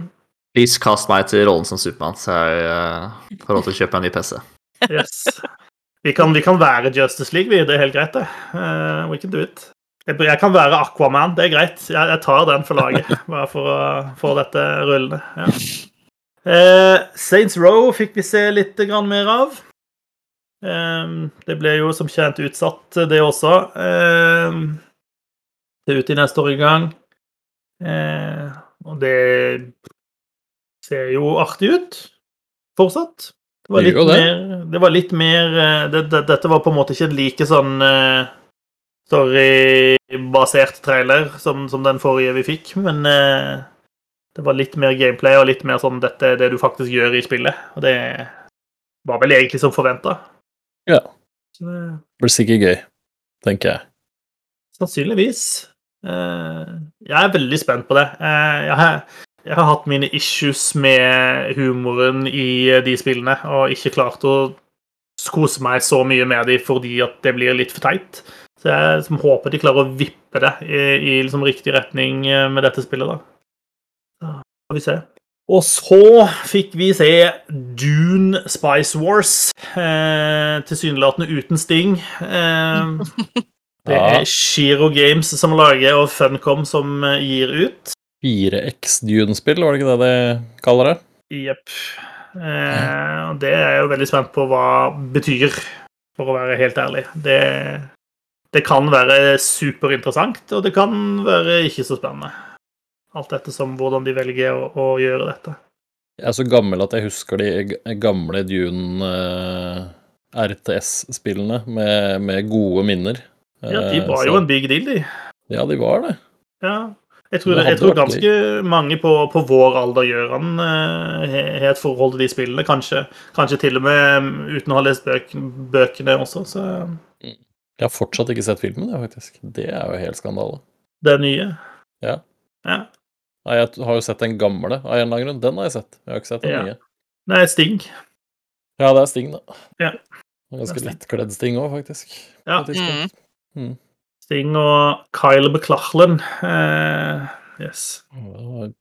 Ikke enormt med skuespillerprestasjoner i den filmen der, akkurat. Det, det, er, det er, en ganske, det er en ganske tight uh, cast. Altså, det, det, er mange, det, er mange, kjente ansikter i den filmen. Uh, Patrick Stewart er med, han tar med seg en pug yep. ut i kamp. Yep. Hva mer trenger du? Nei, en regissør som vet hvordan man lager film, hadde hjulpet, tenker jeg, da. Men eh, ja. Eh, og litt mindre Sting, kanskje. Ja. Eh, Tiny Tinas Wonderlands fikk vi se noe mer av også. Eh, og jeg klarer ikke noe annet enn å synes at det ser gøy ut, altså. Mm. Ja, det gjør det. Ja. Mm. Jeg har aldri klart å bli ordentlig solgt på Borderlands, eh, verken stilen eller humoren eller noe, men dette ser bare gøy ut. Det er liksom så, så weird og crazy, eh, og ja Det ser ut som det her har man bare prøvd å lage noe som Dette skal være morsomt og gøy. Dette skal være gøy fra ende til annen, og så bare har de lagd en slags Dungeons and Dragons-aktig eh, gimmick rundt det, for at de skal kunne gjøre nettopp det de har lyst til å gjøre. Uh, mm. det, det, ser ut som et sånt spill der han som bestemmer, er veldig, er veldig ja-menneske. Ja. det er, kan bli gøy, da. Men det bygger jo bare videre på den uh, DLC-en til Borderlands 2. Den uh, mm. Assault on Dragon Keep, eller hva sånn den heter. Mm. Ja da. Det er bare en jævlig mye større versjon av den, tror jeg. Mm. Og det Det tror jeg kommer til å bli dritbra. Ja. ja. Det ser kjempekult ut. Jeg bare håper de klarer å at at det føles som ikke bare en DLC, da. At det føles som at dette er sin egen greie. Mm. Jepp. Så håper jeg noen andre enn Randy fuckings Pitchfork har fått lov til å skrive vitsene. Det er lov å håpe. Det hadde jeg ikke satt så mye penger på, men Nei. Han var opptatt med å gi ut eh, sånne eh, koder på Twitter jeg, til å skrive, skrive vitser. Men, eh. ja. eh, de annonserte at Among us eh, kommer i en VR-versjon. Det høres scary og weird ut. Det var vel en trailer på sånn 14 sekunder eller noe sånt noe, men eh, for VR er jo så veldig utbredt i dagens samfunn. Det er så mange som har det, og har tilgang til det. Jeg vet ikke. Jeg føler liksom det dukker opp VR-ting hele tida, så det må jo være et visst marked, i hvert fall. Altså, det ser ut som et spill hvor du potensielt kan gjøre mye skade på omgivelsene rundt deg. Er ikke det alle VR-spill? jo, for så vidt. Men Among us er jo et spill designa for å gjøre mye skade på din sosiale krets, så hvorfor ikke liksom bare ta med deg de fysiske omgivelsene dine samtidig? Mm. Når du er i gang. Mm. Aldri helt uh, kommet inn i Among us, altså. Nei. Det var dette med å ha venner å spille med da, Gjøran. Jeg har spilt sånn ti runder på mobilen på, på senga.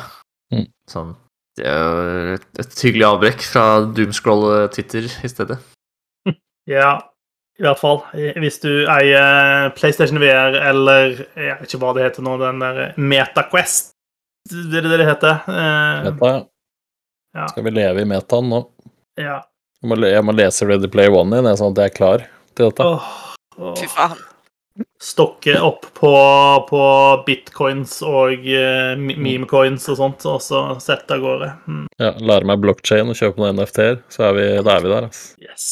Hvis vi lanserer en sånn double jump NFT-collection og blir masse millionærer alle sammen, det er også en god plan. Jo. Neste sending, følg med. Vi kan tegne hver vår tegning. Ja. Den kommer til å se litt som disse folkene i Mongus ut, føler jeg, hvis jeg skal tegne, men det er greit. Så, så bra detaljert tror jeg ikke jeg hadde fått til, faktisk. Nei, nei, det var kanskje Men man må ha noe å strekke seg etter, tenker jeg. Ja, jo, sant. Det er noen skygger der altså, som er ganske vriene, faktisk. Mm. Eh, Metal Helsinger eh, så ganske rart ut, eh, må jeg innrømme. Eh, dette er et uh, metal-spill. Uh, det ser jo litt Doom-inspirert ut, må det være lov å si. Men det er altså da en rytmebasert Ja, jeg vet, tror de kaller det en shooter, men i hvert fall en rytmebasert drapsspill. hvor du skal komme deg gjennom en historie mens det er masse heavy metal-musikk som spiller. Og de har fått med seg flere kjente metal-vokalister og jeg tenkte umiddelbart at det, kanskje Jonas eh, ville la seg eh, imponere av eh, den ideen. Ja, altså jeg Når jeg så det her, så tenker jeg sånn Hvorfor Hvorfor skal jeg spille det her og ikke Doom Eternal? Jeg ja. tipper Doom Eternal er mye bedre, i året. De har sikkert ikke disse kjente metal-folkene i seg. Det står jo masse svære tall på skjermen hele tida i spillet her, da. Så det burde jo være Trigge deg litt Godt, godt vel. poeng, det, altså. Ja, ja. Og så står de med litt sånn kul metal-font innimellom. Ja, ja, ja. Det er ganske stilig. Det finnes bare én metal-font, det er den der. ja, ja. Nei da, det kan godt hende det er kult, og det ser jo Det er jo gøy med liksom Altså, den sjangermiksen kan jo være gøy, men det ser litt sånn slitsomt ut. Ja, jeg syns det ser helt forferdelig slitsomt ut, men, ja. Eh, men jeg synes, det, det syns jeg jo du må også, da. Så. Nei, jeg vet ikke. I hvert fall hvis du Nå husker ikke jeg navnet på de. Du, hvis du så sendinga, eller ser sendinga, så, så, så, var det flere av de du fikk se. Eh, og en av de var, ble bare intervjua, og ble, de prata med en og sånt også om, om, prosjektet og sånt, så det er bare å tune inn på Game Awards et eller annet sted på uh, metaverset. Eh. er ikke det rett opp i din musikkgata, Håvard? Jo, det, det er jo det. det. det. er i hvert fall et litt kult prosjekt. da. Det, det er noe litt annerledes, på en måte. Så det, det kan, jeg, det kan jeg verdsette. Mm. Jeg er rett og slett redd for at jeg ikke er god nok jeg, til å greie å spille det. Det er sikkert en eller annen sånn der pingle-vanskelighetsgrad, tror du ikke det? Den heter sikkert noe veldig nedlatende ut, tipper jeg. Ja. Eh, mm. eh, så fikk vi se Nå avbryter jeg. De har jo fått med en av mine absolutte favorittvokalister Randy Bly for Lamb of God. Ja, jeg tror det var, det var, anerkjente folk som var med. Så det, ja, ja, absolutt. Soilwork, Trivium, Arch Enemy Det er ganske svære, svære navn her, faktisk. Yep. Da ble det jo plutselig litt mer interessant. Ja. Det var verdt å sjekke ut når det kommer. Mm. Eh, noe annet jeg er litt sånn usikker på om det er verdt å sjekke ut, er Star Trek Resurgence. Eh, Star Trek er en ganske brokete spillhistorikk eh, i utgangspunktet. Eh, og jeg synes at dette så litt rart ut. Sånn mm -hmm. det, så, det, så, ikke så bra ut, på en måte. Må det være lov til å si. Så, ja, altså hvis det er uh, Det er jo sånn type Telltale-spill, da. Ja. De, de, skal jo ikke se bra ut. Du skal jo helst kjøre jævlig dårlig også, for at du får liksom riktig Sånn for, feeling du, for at du skal kunne pumpe det ut på eh, enhver mikrobølgeovn og vaskemaskin som kan kjøre som har en touchscreen, liksom. Ja. ja, nei. Det ser ut som et work in progress, kanskje. For kan man jo håpe, da. Ja. Jeg er litt uh... jeg, jeg... Så har det Leonard Nimoy, da. Så da er det jo greit. Det i hvert fall noe som skal se ut som han, ja. i det minste. Mm. Nei. Nei. Nei. Jeg, jeg ble ikke veldig gira av den. Eh, det er sånn lag Det kan godt jeg, det, jeg tror det er mulig å lage kul, noe kult med Star Trek, eh, men eh, det, det, skjer ikke veldig ofte. Ja. Rumbleverse fra Iron Galaxy fikk vi se. Og det Ja, hva syns vi om det, da? Ja, hva skal man si om det, egentlig? Det var morsom trailer, da. Ja, det, det er jo ofte viktig, eh, åpenbart. Men uh, Hva er det Iron Galaxy har lagd før? Har ikke de lagd noe, Er det de som har lagd den der Luftrousers eller noe sånt? Eller husker jeg helt feil? Uh, de har lagd Killer Instinct uh, og noe som heter Extinction. Ja. Og det forrige spillet de lagde. Um, og så har de porta veldig mange spill. Mm. De har blant annet porta Skyrim til Switch og til VR, eh, blant andre ting. Ja. Porta Conan Exiles og Fallout 76 og Diablo 3 og, og Overwatch. De porta mye til Switch, er sånn. Ja. ja, nei, jeg veit ikke Jeg tror ikke jeg står først i køen. Jeg veit ikke helt hva det er. det sånn type Fortnite-spill, eller? Det ser ut som det er Om ikke nøyaktig det, så ser det ut som om det beveger seg litt sånn inn i en sånn type online uh, Denge hverandre-greie, iallfall. Ja, Arena Brawler møter uh, noe sånn Hunger Games-ish. Jeg vet ikke. Nei. yeah. Har ikke peiling. Nei, vet ikke heller. Det så litt sånn cartoony og, og weird ut, så kan det selvfølgelig være at det er artig å spille det. Få se. Ja, for all del. Det er ikke sikkert at du og jeg Gøran, er kjernepublikum heller på, på den tittelen. Hvorfor rister du på huet, Susanne? Hva mener du med det, egentlig? Nei, det er bare en uh, ufrivillig reaksjon. Ja. ja. Jeg og Gøran skal sette oss og høre på uh, siste Sting. albumet til Sting vi etterpå. Så det, ja. Det er bare rød snø etterpå, så hold kjeft. Yes. Vi fikk se en video fra A Plague Tale Requiem, som er oppfølgeren til Heter det bare Plague Tale, eller hadde det en Plague Tale Innocence? Ja. ja. A Plague Tale Innocence. Nå er uskylden borte. Um, uh, den forsvant rimelig fort uh, i løpet av det første spillet. ja. Det tar sånn ti minutter før hele familien til hovedkarakteren blir spist av rotter. Ja.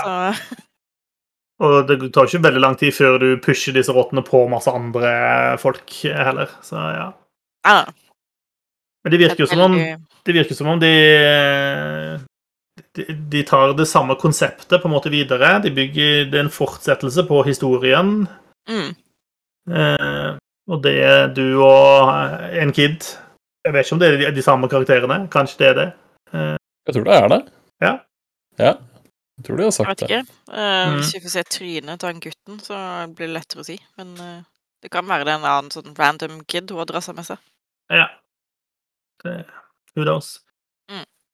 Men det ser ut som det, de bygger videre på, på, på Plague og at de Jeg vet ikke Traileren ser ganske bra ut, syns jeg, da. Uh, så det kan godt være at de har hatt noe større budsjett til, til, Requiem eh, enn det de hadde til Innocent, så det er kanskje ikke så usannsynlig heller.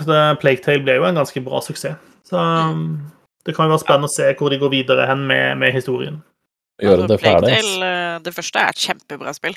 Mm. Eh, bortsett fra at liksom, det tar litt tid før du blir kvitt hele den eh, eskorteringsbiten av spillet, hvor du bare må følge han lille kiden rundt i verden og sørge for at han ikke blir drept av soldater. Han er jo faens liten ubrukelig dritt.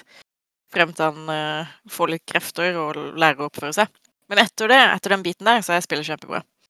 Ja, det var en og annen sånn gåteløsningssekvens som var noe traurig, syns jeg. Men eh, driver rundt inni det der fortet uh, og skal drive og flytte på lyskildene for å rydde fortet før åtte og sånt, det var, det var litt traurig, syns jeg. Men, men, verdt å spille, absolutt. Um, så fikk vi en ny trailer for Dying Light 2, Stay Human.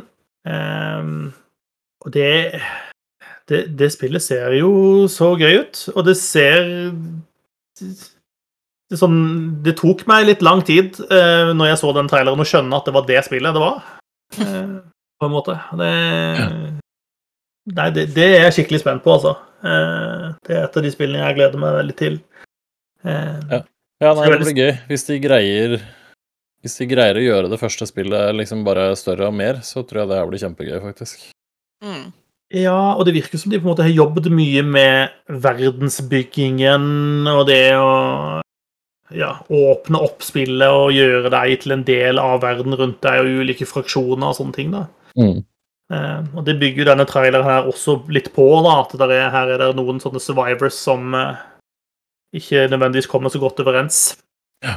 Det er litt sånn også, Jeg tenkte litt sånn når jeg så den traileren sånn, Er dette en slags omasj til det der andre zombiespill-traileren for det spillet som aldri kom ut noen gang? Eller som ikke var så bra? Hvordan var det?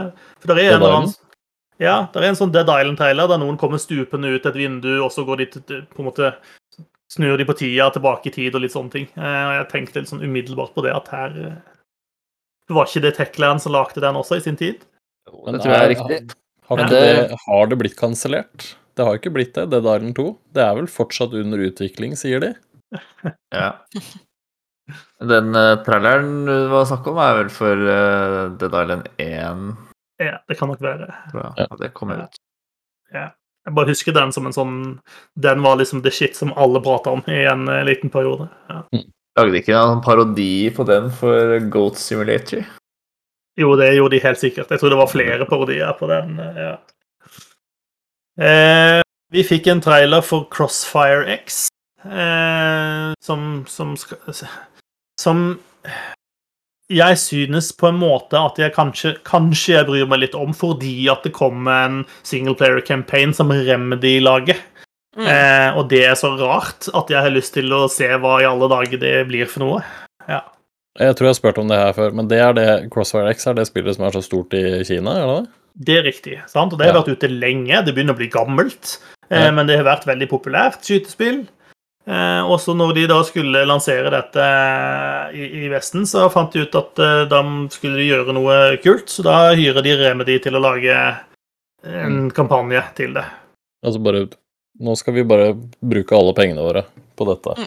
Ja. Altså, Nei, det er jeg helt enig i.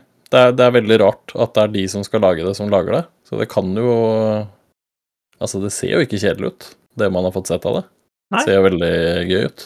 Ja. Mm. Så, så, det gjør at jeg er litt spent på å teste dette, bare for å se mm. hva i alle dager er det den, eh, de greiene finner har funnet på til, etter dette her. Mm. Ja, de finner eh. på noe, i hvert fall. Det skal de ha. Remedy. Om de ikke alltid treffer, ja. så prøver de. Det er sjelden, sjelden kjedelig, eh, mm. det de gjør, da. Ja. Vampire Bloodhunt var det neste på, på min liste. Eh, og flere vampyrspill eh, ja, må man jo ha. Battle Royale også, da, i tillegg, så Jepp. Ja, det her, jeg tror det har vært ute i åpen beta, eller i hvert fall flere betatester. Ja, i en eller annen form for early access eller noe sånt, ja. Ja, et eller annet. Det har vel ikke helt fått den hypen, uh, tror jeg. Jeg har ikke sett, har ikke sett det liksom dritmye på Twitch og sånn. Jeg veit det har vært åpent for det, men Ja. Nei, Vi snakket vel om at Warhammer-lisensen har vært eh, flittig brukt. Det er vel lov å si at den Vampire-lisensen også eh, har vært slengt litt liberalt rundt forbi eh, de siste, siste årene. Det begynner å bli for seint å slenge seg på Battle Royale-toget, liksom. Og skulle prøve å ta vesentlige markedsandeler der. Ja, mm. det tror jeg. Mm. Tror jeg du har helt rett i, faktisk. Altså er det litt sånn Prøv å gjøre noe nytt isteden, da. Altså litt sånn der, eh, Hvis, hvis, hvis liksom man tenker litt tilbake i historikken da, og World of Warcraft og så mange spill som kom etterpå som skulle være det nye World of Warcraft Det var jo ingen av de som ble det nye World of Warcraft. Ingen. Noensinne. Og Det er sikkert noen av de som fikk eh, brukbar suksess, men det var ingen som var i nærheten av det. Og jeg tror det er sånn Sorry, men Fortnite er Fortnite. Du kommer ikke til å lage en Fortnite-killer, fordi that's not gonna happen. Du må lage noe annet i stedet. Ja. Det er liksom plass til to da, store spill, kanskje, i sånne sjangere. Sånn, I Moba så har du LOL, og du har uh, Dota 2. Uh, Heroes of the Storm, som Blizzard prøvde seg med, som funka en liten stund. Og så er jo det bare kutta helt fra Blizzards oppmerksomhet. Uh, så har du i Battle Royale så har du Fortnite og du har Warzone. Uh, å komme seg inn og brøyte seg, liksom albue seg inn mellom de, det er en voksen oppgave, altså. Ja, Apex ja, greide det. Faktisk. Ja. Mm. Men nei, jeg er helt enig. Jeg tror ikke det det, det har blitt prøvd mange forskjellige varianter med magi og med skyting og med bare melee, og det er mye, mye rare greier. De har, de har ikke greid det. Så jeg skjønner ikke helt hvorfor Vampire skal greie det heller. Nei, men eh, Men, men å si, det er ikke sikkert at det er målet med dette spillet heller. Nei. det, det kan være at målet her er å gå i pluss. Eh, betale lønningene til de som lager det. Altså kanskje tjene nok penger til å lage neste spill, på en måte. Det, ja. det er ikke alle spill som skal være Fortnite heller, heldigvis, da. Ja. Eh, noen sånne show og sånne ting har av og til en sånn der 'Og det er ute i dag'-øyeblikk. Og det, det, hadde også Game Awards, og det var da spillet Og jeg håper jeg uttaler dette riktig GTFO. Jepp. Gitfo. Ja, noe sånt. Det ser kjempegøy ut. Jeg gleder meg til å teste det. Ja, kom deg Ja, det er payday-folkene, payday dette. Mm. Det er riktig. Kom deg til helvete ut. Eh, er ute. Eh, og det ser eh, de, de, de, har en sånn tagline sånn derre 'Work together or die together', eller et eller annet i den, den duren der. Eh, så det, her må du samarbeide med folk for å ikke bli eh, spist levende eh, av skumle ting. Helt fram til du spiller med Susanne, da, som bare går egne veier og skal finne lut. Ja. ja. Det... Hele spillet handler jo om å finne ressurser og ting du kan bruke for å overleve videre. Eh, det sier seg selv at noen må gå sin egen vei og prøve ja. å finne ting, istedenfor bare sitte i et hjørne og grine. Dette er hvorfor du ikke kommer videre i Back for Blood på den enkleste vanskelighetsgraden, Susanne. Nei, det står ikke på meg. Det kan jeg si med en gang. ja, ja, ja. Det sier de alle. Det sier de alle. Eh, men ja, GTFO er ute, så det er det bare å kaste seg over eh, og teste ut. Eh, så fikk vi se en trailer for en eh, ny TV-serie eh, satt i Halo-universet, eh, som kommer eksklusivt på Paramount Plus. vet ikke får, får, du Paramount Plus i Norge? Du gjør kanskje det? Aldri. Aldri hørt om det engang. Mm. Du får det vel Jeg tror jeg har det via Jeg tror jeg har sånn stream-greie. Det er vel der jeg har Paramount Plus, tror jeg. Ja, jeg tror du har det noen steder. Jeg tror det er noen Hvis du har kab kabel-TV, så får du, det, får du, det, der også. Eh, men eh, ja, en Halo-TV-serie med budsjett kan jo være kult, ja. tenker jeg. Det er sånn I'm down for å, å sjekke det ut, i hvert fall, og se hva, hva det går i. Mm. Ja, altså den lille kortfilmen, eller hva det nå var, 'Forward Unto Dawn', var jo dritkul. Mm. Ja, det, det kan bli gøy, det der. Ja, ja. Det kan bli skikkelig gøy. Jeg syns det så Jeg syns det så ålreit ut. Det så ut mm. som det var liksom var eh, Ja, det så ikke billig ut, da, kanskje. Nei, det så ut til å ha ganske grei produksjonsverdi. Mm -hmm. Håper det. Ja. Eh, og så kommer vi til det spillet som gjør at Jeff Keeley og flere andre har liksom konstant ereksjon 24 eh, timer i døgnet. Eh, da burde de gå til legen. Det, det er det det står på pakninga. Ja. Elden Ring. Ja, det, da er vi liksom tilbake der. Dere som er veldig gira på dette, trengte dere å se mer, på en måte? Nei. Nei, altså Med en gang jeg fikk bekrefta at dette faktisk var et spill som kom til å komme, så trengte ikke jeg å se mer. Da er det greit, da. From Software har på en måte bygd seg opp såpass uh, tillit at det er greit. Ja. ja. Det eneste som irriterer meg med det nye vi fikk se nå, er at Og det er bare en pet peeve med, med fantasy-bøker, filmer og spill generelt, er når de absolutt skal lure inn sånn derre liksom gammeldags engelsk. Åh, det... det er liksom hele greia da, til den der. Er, de drar jo den der gammelengelsken sin så jævlig langt til de spillene. Det har de alltid gjort. Ja, og det er så jævla cringy. Ja. Og jeg bare La være, kan du ikke bare la folka dine snakke normalt? Eh, det blir for dumt å holde på sånn her. I hvert fall når du ikke kan liksom, grammatikken ordentlig. Nei, det hører med. Det er skikkelig teit. Jeg er helt enig med deg. Det høres helt jævlig ut, og det kunne blitt gjort mye bedre, men eh, det hører liksom med når de lager spillene sine. Tror det er, tror det er liksom George R. Martin har liksom hatt, hatt denne samtalen. Sånn Mm. Må, må, vi, må vi skrive Må vi bruke det? Det tror jeg faktisk han er. Ja. ja. Jeg håper det. Men uh, nei, det, det, spillet kommer til å bli helt uh, amazing, tror jeg. Det er liksom, De har lest ett skuespill eller en sonette av Shakespeare, og så har de tenkt ja, ja, ja, men altså, her folk snakker på denne tida. Når det ikke er en spesifikk tid engang, fordi det foregår et fuckings eh, fancy univers hvor engelsk kanskje ikke eksisterer engang. Det er bare et helt annet språk som tilfeldigvis høres akkurat ut som engelsk. Ja, ja, men bare finn på et tullespråk, da. Gjør, gjør som uh, Brothers, A Tale of Two Sons. Og bare snakk gibberish, og så oversette med liksom undertekst. Det hadde jeg faktisk likt bedre enn den derre uh, helvetes tulleengelsken. Som liksom skal være så highbrow. Ugh. Det er en grunn til at Shakespeare er blitt klassiker, vet du. Han skrev for massene. Han skrev for de som ikke hadde noe utdannelse.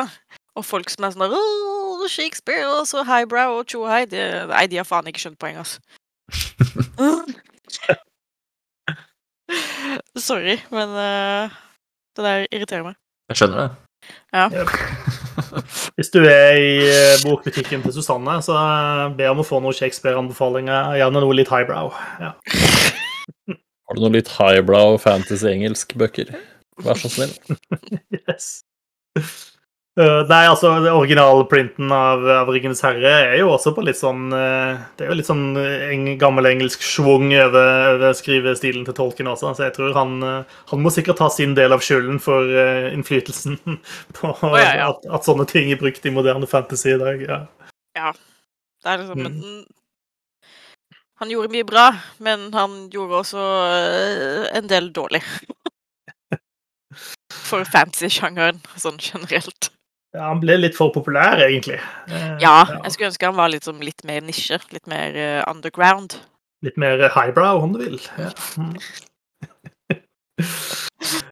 uh, etter at Elden Ring hadde gitt seg, og folks ereksjoner begynte å legge seg litt, uh, så fikk vi se en video fra Ark Raiders.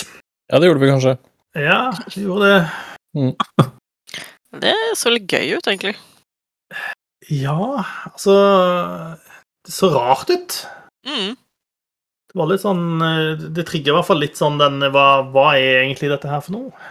For det var litt sånn her, eh, Ja, hva de heter? Embark, tror jeg de heter. Men altså, det er jo også hele poenget med en trailer. Det er jo at du skal sitte igjen med litt spørsmål. Ja, altså ja. hvis det ikke er filmtrailer, da, for da har du på en måte fått løst hele plottet på en trailer. Ja, fy faen. Åh. Ja. Da må du på en måte vise noen sånne superspoilere. Det hører med.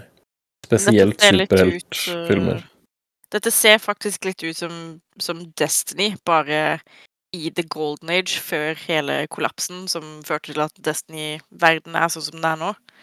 Hvor det er masse old tech og sånn. Uh, er Coop free to play third person, person shooter? Yes. Ja, og Så, ja. noen, av, noen, av, omgivelsene her ser jo ut som de er tatt fra The Cosmodrome, som er et av kartene i Destiny. Så det er liksom ja.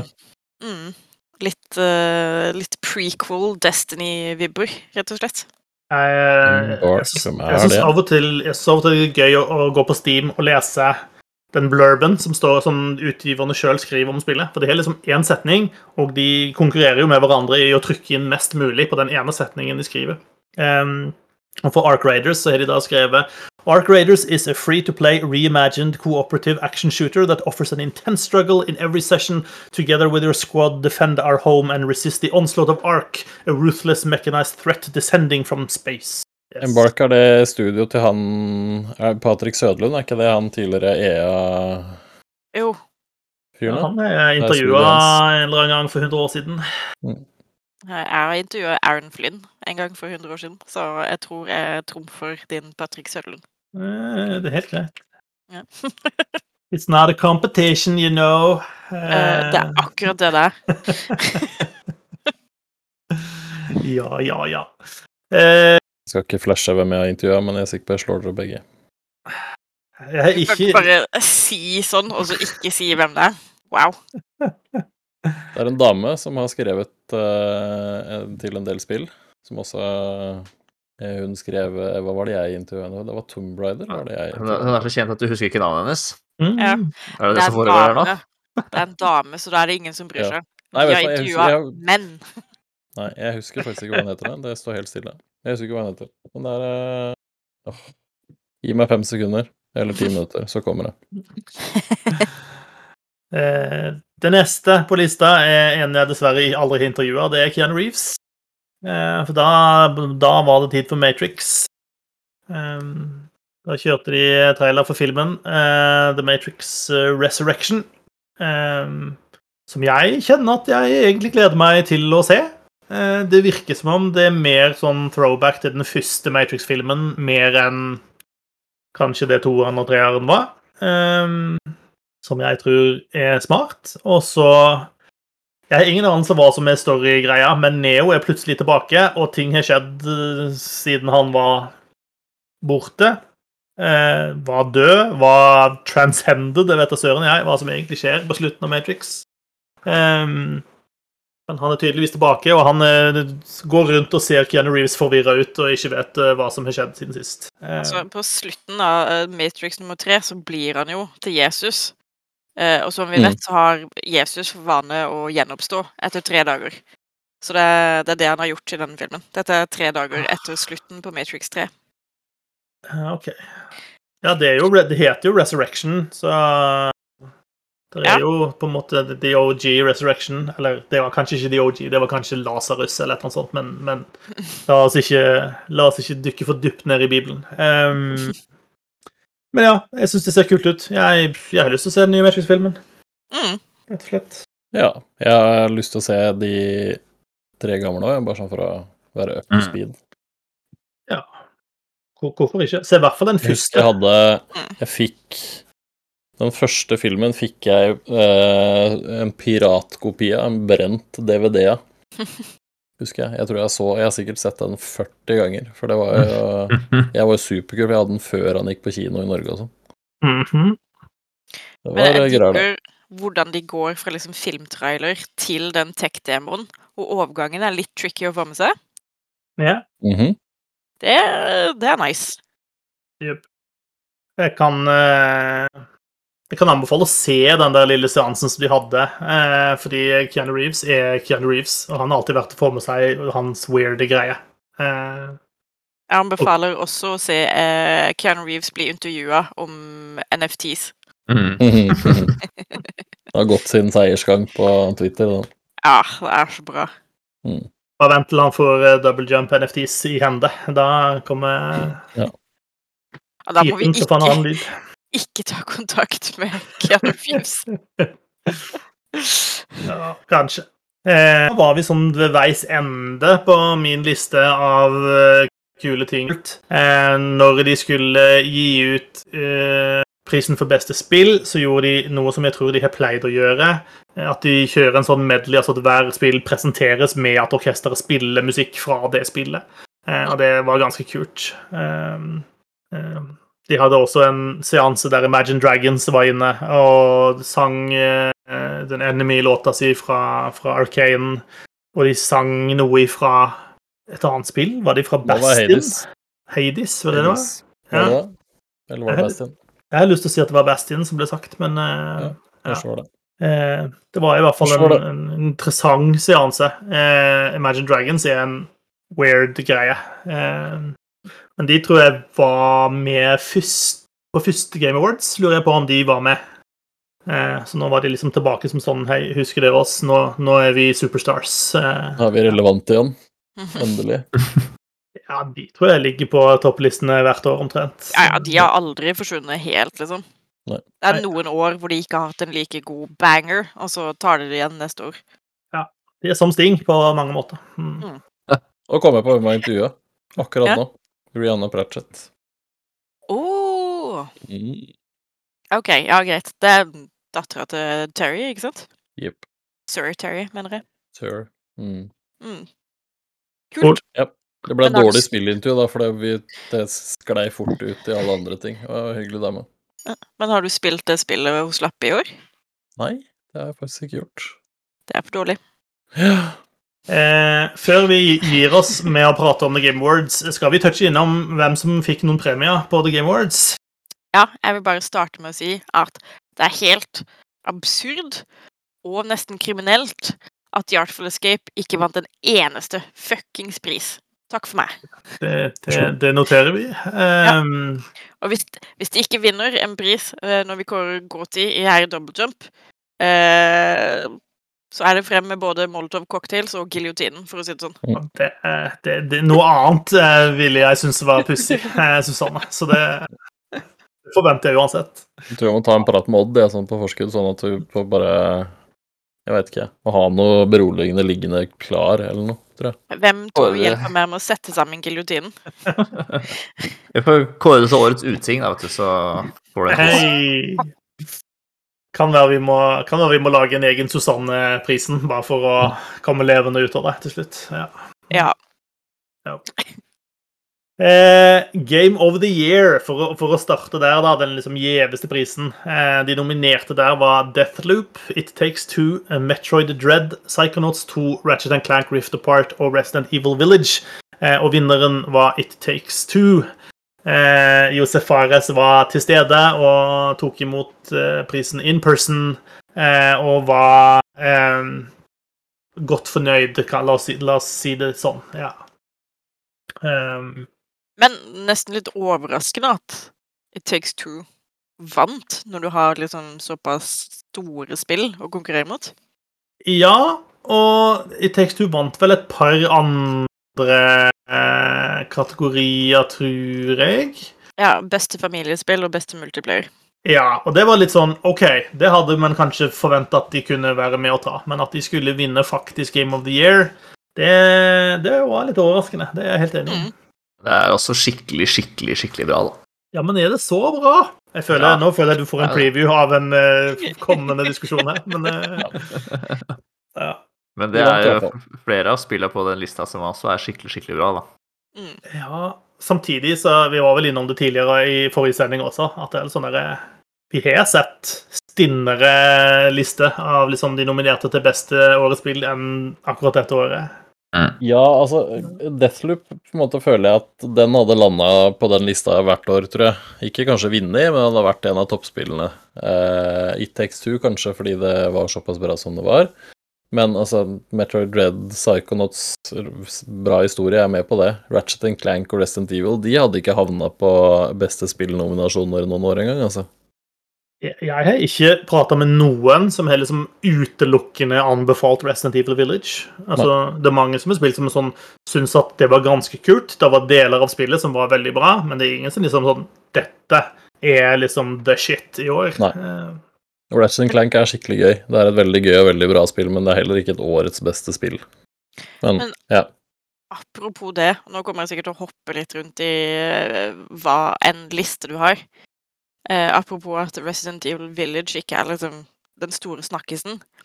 Jeg syns det er jævlig merkelig at hun som har stemmen til Lady Dimitrescu, vant årets performer. Mm, nå, faen ikke, ja, nå er faen ikke med, så mye med i spillet engang, så vidt jeg har skjønt. Jeg har ikke spilt det ennå. Det virker for skummelt.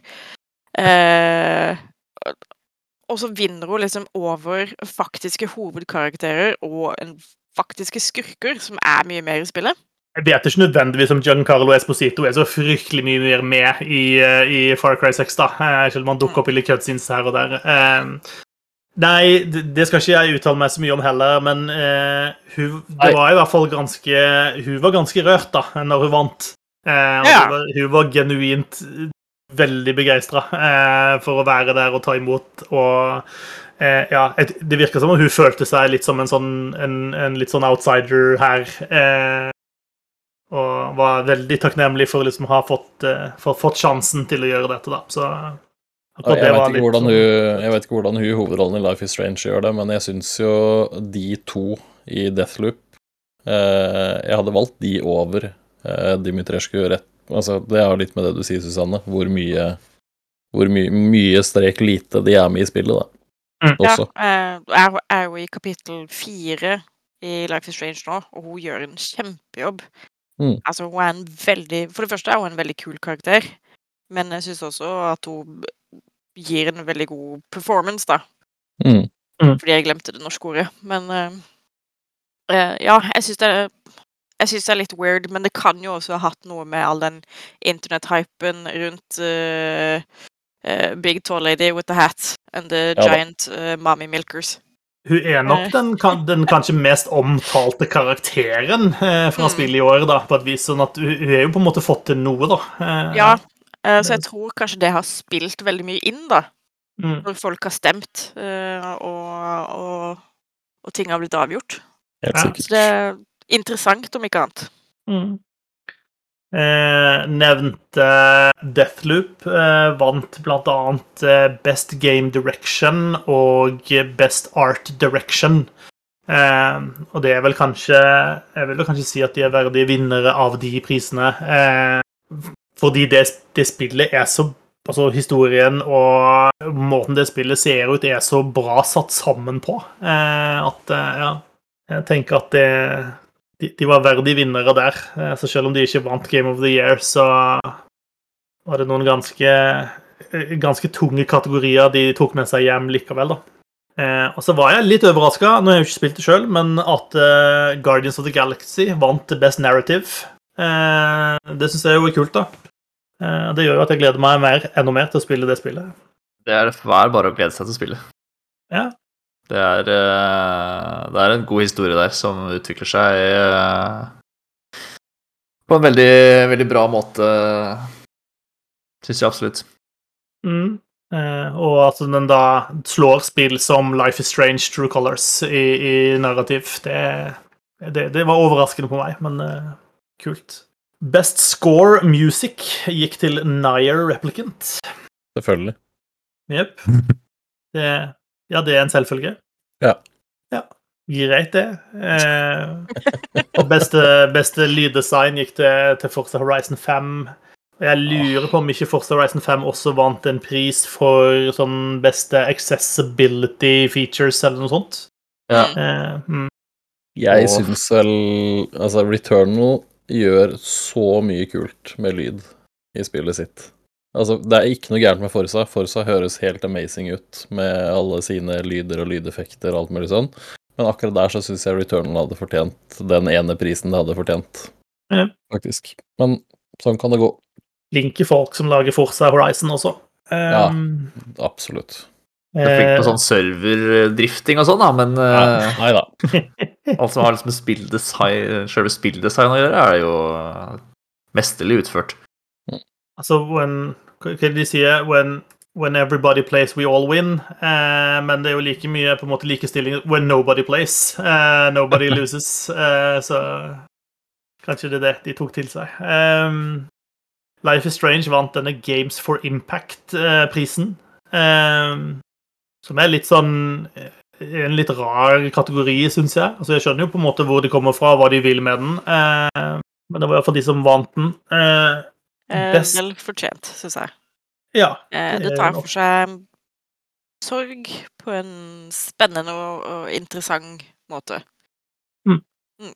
De andre spillene har jo tatt for seg Eh, litt sånn litt eh, tilhørighet i det første, og rasisme i det andre, og eh, treeren er egentlig utelukkende sorg, på en måte. Så det minner litt om Gris, og det minner litt om Spiritfarer, men gjør det på en helt annen måte. Eh, så jeg Ja. Jeg syns eh, det er en pris de fortjener å få. Mm. Så bra. Så har de denne kategorien Best Ongoing Game, eh, som ikke er det samme som Best Community Support. Eh, så Best Ongoing Game vant da Final Fantasy 14 online.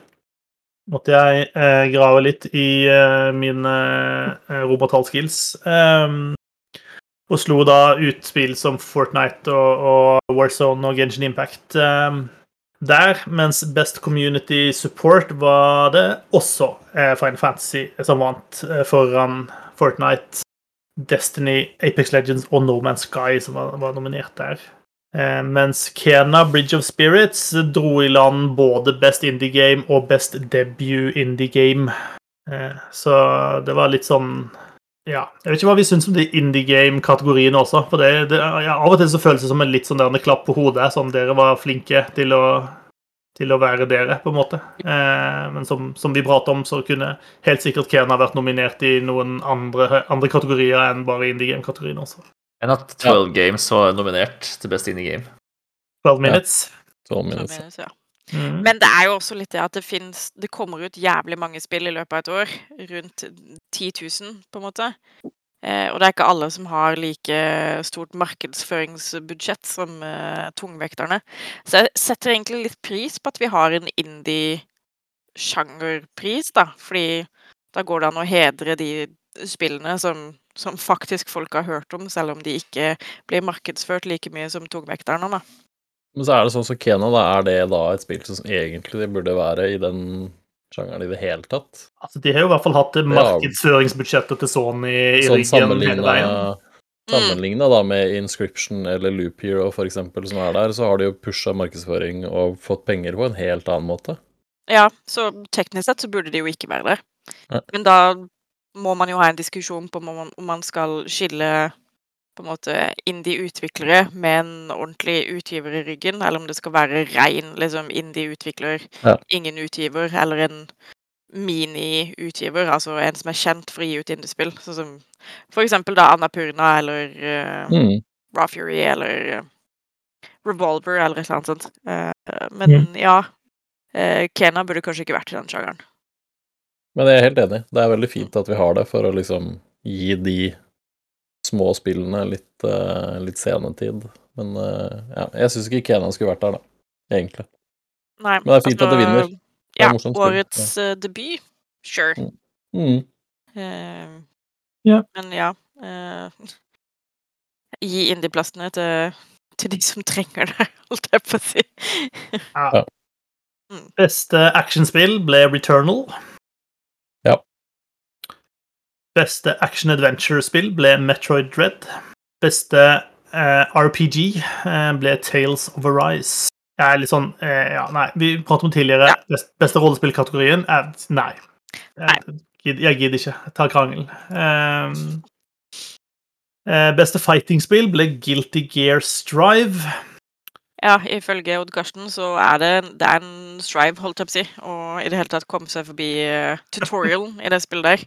Ok. Uh, så det er avansert, uh, i det minste. ja. Veldig pent. Det skal det ha. Mm, ja, men det er, det er, såpass vanskelig at det er vanskelig å få det til å bli pent, nesten. For du får, mm. du får ikke til noe angrep.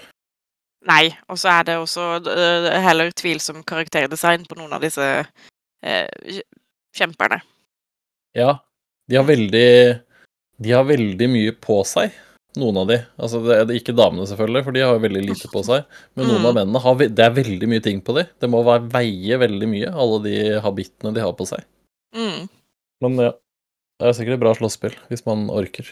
Det, det hender at noen av damene i sånne spill er ganske for tunge, de også. Eh, ja, men ikke på grunn av klærne, nødvendigvis. Nei. That's true. Um, Første Horizon vant beste sports slash racing-spill, eh, som også er en litt rar kategori. Eh, beste sim-strategy game vant Age of Empires 4, og It Takes Two vant ja, også beste multiplayer-spill. Eh, og så var det en rekke sånn e-sport eh, eh, awards. Eh, Dream vant som best som Content Creator of the Year. Og Elden Ring vant i år, som i fjor, eh, Most Anticipated Game. ja, nå må det bare komme ut, så et annet spill kan vinne den tittelen neste år. Yep.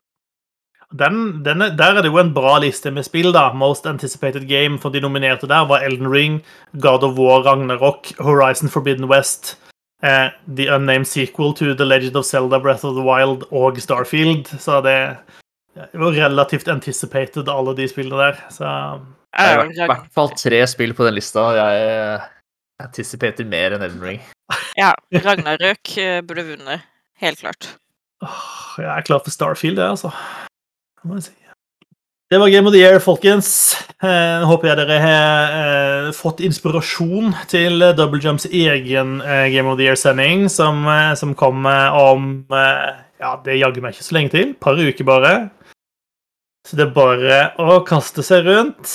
Så får vi se hva vi gjør med årets kategorier, om vi finner på noe skøy der, eller om uh, vi tar den gode gamle copy-paste fra fjoråret. Det blir en time der Susanne forteller hva Double Jump mener er årets beste spill. Ja. Hvis ikke så er vi ferdige, på en måte. Ja. Jeg er litt spent. Jeg tror vi kan, tror vi kan få noen gode diskusjoner om hvem som skal inn på den topp ti-lista i år også. Uh, og så er jeg litt usikker på hvem som skal liksom lande helt i toppen, og om vi kommer til å være enige om det. Eller jeg er egentlig ganske trygg på at vi ikke kommer til å være enige om det. Så det kan bli spennende. Eh, følg med eh, om vi alle er i live eh, til liksom neste sesong av Double Jump. Det, det får vi se. Det var det jeg hadde på planen i dag. Eh, det har vært litt sånn smått i nyhetsverdenen også, men jeg tenker det får drøye til neste sending. Vi har holdt på eh, lenge nok nå. Eh, takk for at du hang med oss fra meg sjøl, Håvard, Susanne og Gøran.